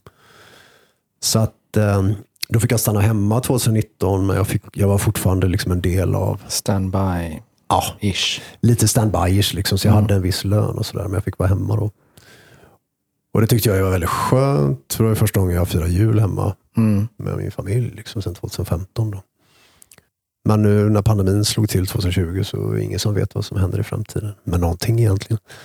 Ska man vara rent krass så är det ju enda gången i mitt liv i alla fall som man gör en sån jäkla stor turné. Liksom. Där man spelar för 10 000 pers åtta gånger i veckan. Liksom. Eh, på stora arenor. Och det bara är mer bomber och granater. 10 bussar och 20 semi-trailers. Det känns som att de vet vad de gör där borta. Ja, verkligen. Absolut. Och de har ju gjort det här i så många år också, just TSO. Så att, och det lustiga är att Trans-Siberian Orchestra är ju helt okänt här i Europa. Liksom. Och så kommer du till USA, när du går igenom immigration och säger att ja, jag jobbar med Trans-Siberian Orchestra, då är det liksom, alla vet ju vad det är. Liksom. Kollar du varje år de artisterna som har sålt mest biljetter eller, i USA, då är det liksom det är U2, det är Chili Peppers, det är Trans-Siberian, det är liksom den här typen av artister. Men skriver de en ny show då var tredje år med... Nej, utan de går tillbaka kanske till någon gammal show igen och så eh, kör de den plus att de kör någon slags greatest hits-variant kombinerat. Men det är som två sätt kan man säga. Men sen så då och då så kommer det ju en ny platta också. Alla de plattorna är inte sådana julsagor heller. Så att nu gick ju Paul O'Neill gick ju bort då 2017. Så det finns, finns ju en massa material som väntar på att färdigställas gissar jag. Men det, det kommer ju säkert mer plattor även fast Paul eh, inte lever längre. Du har eh, köra bakom Poodles i Mellon. Mm. Och eh, vi sitter där i lördag. Det är snart Mello. Just det. Du har själv blivit tillfrågad om att eh, vara med i Melodifestivalen. Ja, vid några tillfällen har jag väl det. Ja. Men det är ingenting för dig. Eller? Nej, men jag, jag kan tänka mig att man skulle... Jag menar, det handlar ju, det, det är bara, handlar ju bara om att det är ett sånt stort fönster för att göra reklam för sig själv. Liksom. Så att är det på rätt sätt och rätt uh, grej så... Eh, jag menar, ska man se rent krasst på det för en kille som mig som är i princip helt okänd i Sverige så hade det betytt jättemycket om jag ska tänka bara rent, eh, ja, jag vill få in företagsgig eller jag vill, liksom, om man bara ska se rent krasst på det bara som ett arbete, då har det varit värt jättemycket. Eh, för att eh, det kan man väl göra, men jag menar, jag skulle aldrig, det spelar ingen roll hur mycket det är värt. Jag skulle aldrig göra det om det inte är någonting som jag tycker är skitbra. Liksom. Då måste det vara skitbra inom sin genre. Eller det måste vara någonting som bara är... Då måste, jag måste kunna stå för det. Jag måste kunna, säga, jag måste kunna se mig själv i spegeln och säga att ja, det här är ju asbra. Liksom. Okej, folk kanske inte fattar det nu, men om tre år när de ser tillbaka eller hör den låten, då ska de fatta att ja, det där var rätt bra. Liksom. Annars är det så att eh, man ser vilket tram som är med varje år. Då, då känns det som att eh, Ludor hade knäckt. Ja, ja, vi försökte faktiskt få in Ludor för några år sedan. Vi hade en låt Eh, en Luleå-låt. Som vi försökte få in faktiskt. Jaha. Eh, men den fick vi inte in. Man måste, det, det är ungefär som när vi snackade om Yngwie Malmsteen förut. Man måste liksom ta ett steg bakåt. Och liksom, vad handlar... Jag, jag var ju med första året och körade. Första året Christer Björkman var ansvarig. Och det var ju 2002. Det var jättekonstigt. Det var ju jag, Björn Lodin, Matti Alfonsetti, Thomas Wikström och Göran Edman som körade bakom en Ja, det är en hyfsad uppsättning. Ja, det var ju skitkul. Men då ska man komma, då ska man komma ihåg liksom att då, då var ju liksom Melodifestivalen helt på dekis. Liksom. Så kom. Björkman in, styrde upp det hela med att köra eh, fyra delfinaler och alltihopa. Och plötsligt så blev det en helt annan grej av det. Och idag är det naturligtvis som så att han har ju haft ett, eh, han har ett uppdrag. Det ska vara lördagsunderhållning. Vi behöver ha ett eh, barnbidrag, vi behöver ha en som är Ja, men så är det ju. det här. Så att det, det Och är inte så, framförallt så måste folk ringa in Ja, så ja. att de Så att genererar det- stålars. Så då måste det det, inte vara så. en flickfav- eller flera flickfavoriter. Ja, ja. Och, och, det, det Ja, handlar det blir liksom lätt tippat som i första delfinalen. Man visste att Danne Saucedo och eh, Arvingarna, det är de som går vidare. Du, du har liksom målgruppen där eh, och Jo, jo, precis. man vet att det, det är de som röstar. Det är dansband och... Nej, men men Melodifestivalen är ju inte Melodifestivalen som den var när vi växte upp, eller Schlagerfestivalen. Det var ju en annan pryl. Liksom. Jag menar idag, det här med att sitta hemma och skicka in ett bidrag och komma med. Liksom, nu. Det det funkar ju inte. inte så. Nej. Vi vet ju alla att det är ju som en maffia som styr alltihopa. En annan utskälld genre, musikal. Ja, Du gör ju en fantastisk eh, Judas i Våra Ja, just det. vänner Astrakans eh, rockversion av Jesus Christ Superstar. ja det var ju skitkul. Ja, den Verkligen. är skitbra. Har du gjort något annat liksom liknande eller vad, råkat Nej. halka in på det? Nej, det kan man väl inte säga. va? Det är ju liksom, jag menar, Trans-Siberian är ju lite i den världen på ett sätt. Eh, men musikalaktigt annars, nej. Nej. Sen har jag gjort ett antal gig eh, med Thomas Wikström där i Spanien när vi har kört Queen, Symphony Rhapsody och det här. Men det har egentligen mer varit att man har gått upp och kört Queen-låtar med en symfoniorkester. Och lös mustasch? Alltså det är ingen musik, ja precis, så det är liksom inte musikal så. Nej. Men det är ju skitkul, liksom, i alla fall just när det var Jesus Christ. Mm. i och med Att det är musikaliskt eh, ligger den varmt om hjärtat så var det jävligt roligt. Och det var en utmaning att sjunga Judas. Liksom. My mind is clearer now. At last, all too well, I can see where we are soon will be. If you strip away the myth from the man, you will see where we all soon will be.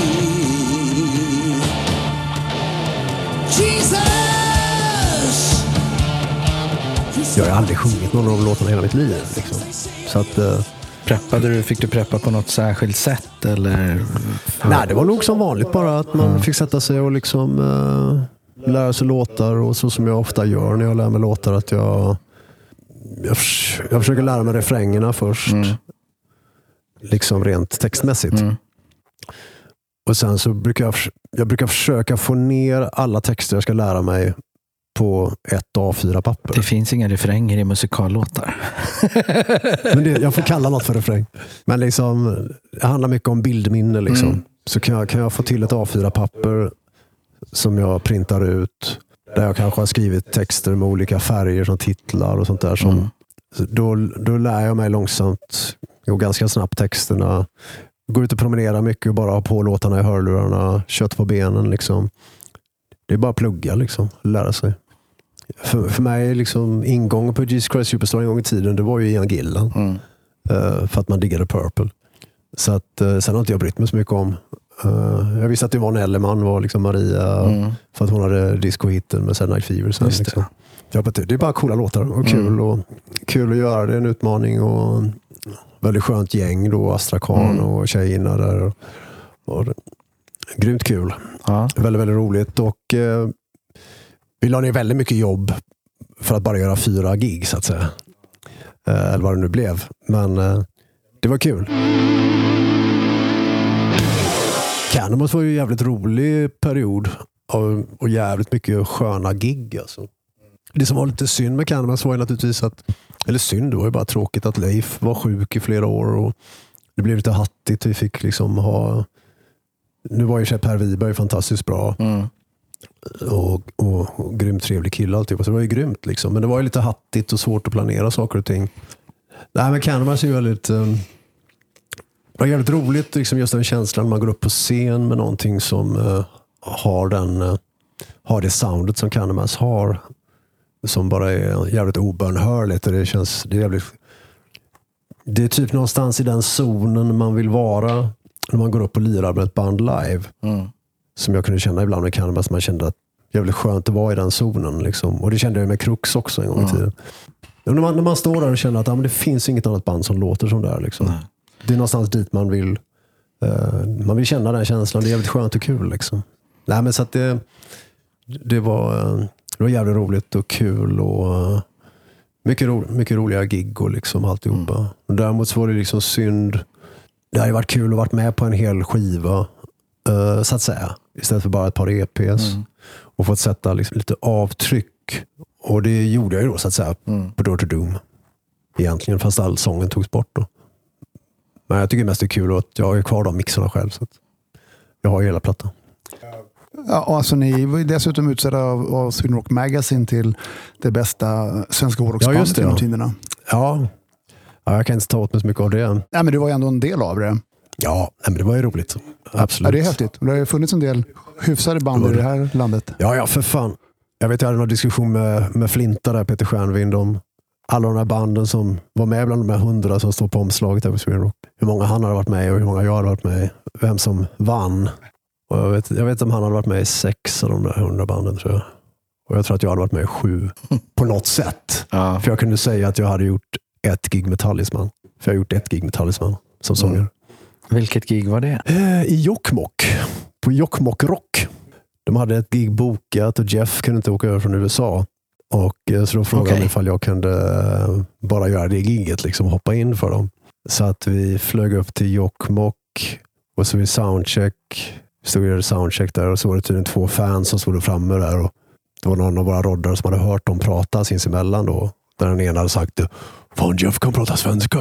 Åh jävlar, då fan. jag har varit med länge nu. Och Var det, var det Kulle som spelade gitarr? Det var Kulle och det var Jompa och det var. Marre. Och jag kommer ihåg att jag, Kulle och Jompa simmade ut på fyllan där i Jokkmokk. Ute i en sjö, för det fanns en liten ö där ute. Så vi bara bestämde att ah, nu ska vi simma dit ut. Jättedum idé. Uh, och vi simmade, tog oss dit ut kommer jag ihåg. Mm. Och skulle gå på ön, då var det som en så här kvicksand. Liksom. Det gick inte att gå på ön. Liksom. Det var bara så här, så jag vill bara simma tillbaka igen. Ja, grattis. Det var lite jobbigt kommer jag ihåg. Jag såg sista gigget på första Talisman-turnén. Det var i Karlstad tror jag. Ja, det var ett speciellt gig. För vi lirade med Swedish Erotica med, med den här uppsättningen av Talisman på ett gig. Med, eh, När det var Thomas. Jason Ja, just Thomas spelade keyboard. just det. Och, Jason, Precis. och Ja. Thomas spelade keyboard baklänges bland annat. När han stod med ryggen och spelade keyboard. och jag har detta på VHS hemma. Det är klassiker. Thomas stod liksom och spelade, vet, så här. det ligger ju på tejp. Liksom. Ja, ja, ja. Du vet, det är Jakob på trummor. Och så och Thomas står och så. Plus så hoppar han så här 180 graders hopp och spelar baklänges keyboard. Så typiskt Det är så jävla roligt. Alltså. Ja, grymt gig. Jag fick en magnesiumbomb i håret. Det, det finns på VHS också. Jag såg Talisman i Sala på den här första turnén också. Och då är det någon snubbe som står längst fram och ger Jason Beeler fingret. Och jag tror han spottar på åt honom och sådär. Och Jason står och ger honom onda ögat. Och de öppnar med Break Your Chains. Okej. Och då när solot kommer, det så, man undrar hur, hur Jason tänker. Att när solot kommer, Ja, då precis. kastar han gitarren och hoppar ner och nitar snubben. Sen, så han har väl tänkt att ja, så, så jag, jag ägnar mitt solobreak till att Ja. nita den här snubben. Sen är jag uppe tills refrängen kommer. Ja, fan vad roligt. Alltså. Men Jeff, du vet, Ja, vinkar ju och blåser av och så här, stannar. Ja, Jason verkar ju skön Stanna snubbe. Han har ju släppt en ny platta nu. Ja, på Frontiers. Ja. Ja, eh, Jason Beeler and Jag har hört Baron något. von Bilski. Ja, Någonting. ja, för fan. det är jättebra. Det är skitfräckt. Jag har hört lite av det. Men även, Han och Jeff eh, gör ju lite gig ibland, akustiska gig. Även Saigon Kick var ju jättebra. Ja, absolut. Nej, men han verkar vara en skön snubbe. Eh, Jag måste fråga, du spelade ju tennis eh, i din ungdom. Ja, just det. Just det. Och det gjorde ju Conny Blom också. Ja, just det. Han har gjort en platta där, va? eller en låt, Gameset Bloom. Där. Ja, men precis. Har du lirat tennis mot eh, Conny? Nej, det har jag inte gjort. Du menar i nutid menar du, här uppe i Stockholm? Nej, det har jag inte gjort. Jag har lirat en del paddel däremot, men inte med Conny. Men uh, jag får ringa Conny och ta en tennistid. Ja, och filma och sen be folk så här, lista ut vem Ja, är vem. Vem leder? Vem, var Vem är vem? vann? Vem var bollen? jag vann. Nej, det var jag. Alltså hur ofta har du blivit misstagen för Conny Blom? Ja, men det har ju hänt några gånger. Alltså. Det har ju hänt några gånger. Eh, det är ju nog oftast folk som tror att jag är Conny, så att säga. Eftersom han är liksom mer känd än vad jag är. Här i Sverige. Så att, eh, men det är ju, ja. Jag tänkte på det när jag körde hit. Där. Vi, ju- jag vet inte om jag berättat det för dig förut. När vi lirade 2013 med Candlemass på Sphere Rock. Vi, vi headlinade på onsdagen 2013 med Candlemass. På Sweden Stage där på onsdagen som är enda scenen som är öppen. Där. Var det då du hade det jättestora metallkorset? Eh, och ja, precis. precis. Mm, det såg Mm, jag. kanske det var. Då är det. Eh, och då spelade Conny med Stacey Collins eh, några timmar tidigare på samma scen. Och Sen så var jag kvar några dagar för jag skulle gästa med Treat på fredagen var det tror jag. Eh, och köra en låt. Och Conny var väl kvar och hängde också i några dagar. Sådär, liksom. Så jag var inne vid VIP-avdelningen där, där det är lite företag som har tält och sånt där. Och då kom det ut någon snubbe från ett tält som, som bara sa till mig så här, Fan, kan vi inte bara ta kan inte du bara hålla ett par Marshall-hörlurar så, så kan du få dem sen. Liksom. Marshall eller Motörhead-hörlurar var det. Med Motörhead-loggan på sidan. Så, här. så rätt coola liksom. Så här, ja, fan, så att, ja, redan där kände jag liksom att ja, undrar om, ja vi får se liksom. Men skit i det liksom, vi får se. Ja. Anything goes, vi får se. Så jag går in i tältet och uh, det är en fotograf där och står och håller den. Och jag bara hajar att ah, nej, nej det, han tror nog jag är Conny. Liksom. Jag bara känner det någonstans. Så jag bara, så här, det är nog lika bra att dra här så fort jag kan. Liksom. Med lurarna. Ja, för fan, de vill jag ju ha. Så att jag bara går ut ur tältet med honom, den här snubben då. Och samtidigt kommer Danny McKenzie, som spelade med Mustasch på den tiden, då tror jag kanske, eller han har slutat, jag vet inte. Och Danny jobbar också lite med det här företaget. Jag vet fan hur det är. Jag har i alla fall Danny på ena sidan av mig, som vet vem jag är. Som vet att jag är Mats. Och den andra killen till vänster om mig som tror att jag är Conny. Och han som tror att jag är Conny, han säger så här, fan, jävla grymt gig i onsdags. Conny lirade i onsdags. Ja. Och Danny också, ah, fy fan vad grymt, vilket jävla ställ. Liksom. Han pratade ju om Candlemass-giget. Och den andra bara pratade, liksom, "Ah, vilket jävla sound, liksom, bara han pratade om som är med gitarrsoundet. Och, och McKenzie också, ah, för fan bra ljud det var. Liksom. Och jag bara kände att de pratar om två helt olika killar. Men de har fortfarande inte insett att de gör det. Liksom. De har inte insett att den andra är så här. Så att jag, bara, så här, jag såg Lotta, min fru, där borta någonstans och vi skulle käka lunch. Och så jag bara, nej sorry grabbar, fan de har väntat på mig nu, men tack som fan schysst. Alltså. Så jag bara, jag bara gled iväg. Och sen berättade jag det för Conny ett tag senare. Så här, fan, jag, jag tror jag har lurat dig på ett par motor-hörlurar. Liksom. Nej, men det har hänt några gånger. Jag har till och med skrivit eh, autograf åt Conny. Jag har inte ens har orkat förklara när jag varit på någon klubb eller något, så jag har bara, Ja. liksom, jag har bara plitat till. Så. Jag kan faktiskt erkänna att jag har gjort samma misstag. Ja, det, det är lätt. Ja, det kanske var 20 år sedan. eh, Jag var på Anchor med midnatt, eh, hyfsat på trycket. Liksom. Ja, Och skickat meddelande till polarna att eh, fan, kom hit nu. ja ja, okej, okej. Ja, det är Conny lirar. Ja, ja, grymt. Ja, men det har hänt förut. Ja, det börjar Det är känna. bara roligt. Nej, men det, är alltså, jag kommer ihåg att vi gjorde en del gig med Swedish Erotica med Electric Boys. Just det. För att det var Lasse Lundgren på Nöjesgruppen som bokade båda banden.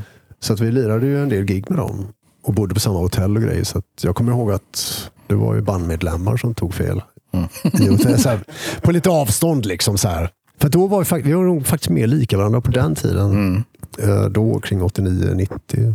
Liksom rent frisyrmässigt och sådär. Det var ju väldigt roligt på Kings Call det året när vi hade dig som gäst, vi hade Conny som gäst och vi hade Hakim Krim från Dead Lord. Just det, just det, just det. Han är ännu mer barr. ett väldigt fint foto Ja. i logen där med Ja, tre fan. krull. Just det, just det. Det var borta vid... eh, Det var på Slakthuset. Ja, eh, Kraken. Precis, precis, Precis. Som vi kommer ihåg.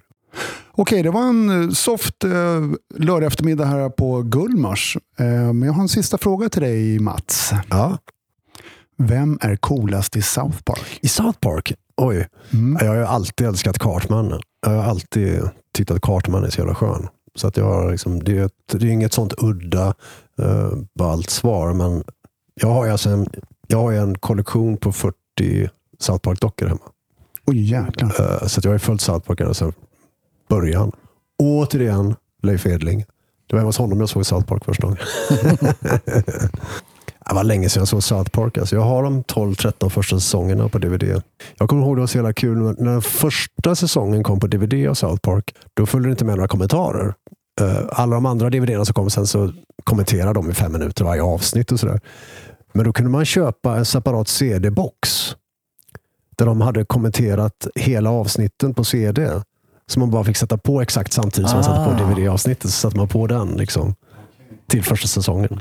Och min, av någon anledning, så någon gång så fick min morsa se Tauli, handduken, Mm. som docka. Jag har honom som docka. Så man, man, eh, åt ena hållet så är han ju sådär pigg och så vänder du på honom så har han ju de här röda ögonen. Min morsa fattar inte alls vad det är för karaktär, men hon tyckte, hon tyckte han var så gullig så att den står hemma hos min morsa i Mölndal sedan 20 år tillbaka nästan.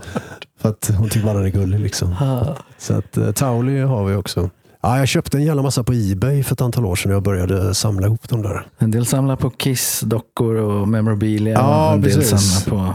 Men jag samlade på South Park-dockor. En del samlar på Rainbow Rising. Ja, du köper Rival Rising? Jaha. Ja, Jag har faktiskt eh, 14 eh, olika pressningar okej. och eh, två CD-utgåvor och en originalkassett från Jugoslavien. Jaha. Och så fick jag av Chris och Allan fick jag den på A-track dessutom. Åh jävlar vad hårt. Men då har de med japanska utgåvan också då eller? Ja, i- Fan vad grymt. Jag köpte nämligen uh, turnéprogrammet till uh, Castle Donington-gigget med Rainbow. Som var det sista Chris Powell-gigget. Uh, via en sajt i England. Jag bara fick sån vibb på att köpa turnéprogrammet. Så det var coolt. Så det fick jag hemskickat för ett tag sedan. Det var coola grejer. Så är det. Tack Ja, som fan bra. Stort tack då. Fan vad kul. Ja, tack själv. Är det något du vill tillägga? Har vi glömt något? Glömt eller något? Är det, är det, du glömt att prata om något? Eller är det någonting du vill Nej, men alltså, highlighta som du har på gång? Eller? Ja, just nu är det ju väldigt mycket Prins Svart. Och eh, ska bli väldigt kul att se vad folk tycker om plattan när den kommer. Eh, och som sagt, kul att se hur crowdfundingen går. Eh, så att det är väldigt mycket Prins Svart. Eh, sen ska vi sammanställa Ludor förstås. Jag håller på att jobba på en del Skyblood-låtar för nästa platta också. Men just nu är det väldigt mycket Prins Svart. Nej, men annars tittar man tillbaka på vad man har gjort. Så liksom, en platta som är, som är jävligt cool, som inte alla har hört, det är ju Amaseffer. Som eh, jag gjorde 2008 eller 2009. Israelisk. Lite som Gladiator-musik. Eh, filmisk. Han, handlar om... eh, Finns det på Spotify? finns på Spotify. Mm. Amaseffer, Slaves for Life heter plattan. Kolla in det. Väldigt ambitiöst.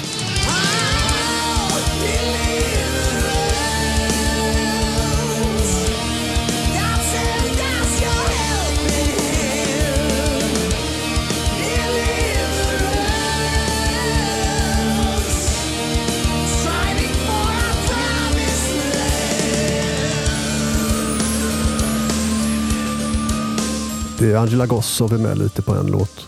Jag skriker. Men eh, där la, jag la ner väldigt mycket jobb på sången på den plattan. Men det blev väldigt bra. Det Mm. kan jag verkligen rekommendera att lyssna på. Eh, skitbra. Sen har man gjort lite grejer här och där som har varit kul tycker jag. Ja, det får vi ta i, det får bli en annan gång. i eh, uppföljningspodden. Uppföljningen ja, om 20 år. När jag har gjort CC DeVille Experience Just det. till slut. och lite annat. och en eh, comeback med Yngve. Och, Ja, men precis. och Swedish Rottica Reunion och eh, Capricorn Och Reunion. du har köpt några till South Park-dockor? Ja, nej, jag, jag har faktiskt bara funderat på hur jag måste göra mig av med dem där. Tack som fan plats. Mats. Ja, tusen tack Eh, själva. Tack för kaffe och för mikrovågslån. Ja. Ja, det var så Ni lite. som eh, lyssnar, glöm inte att följa oss på Instagram. Att flickorbilarsport. Gå in på Acast och Apple Podcaster och ge oss en fin recension och kanske fem stjärnor om ni tycker det är, att vi är värda det. Eh, vi signar ut här från Gullmarsplan. Ja, Over and out. har eh, bäst. Ajöken. Tack för ikväll. Tack ska ni ha. Hej. Kom stilla natt Stanna en stund. Kom i min famn.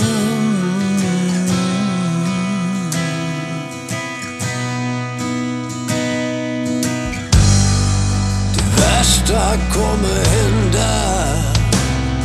Man kan säga att det redan har hänt. Jag fruktar mest är nog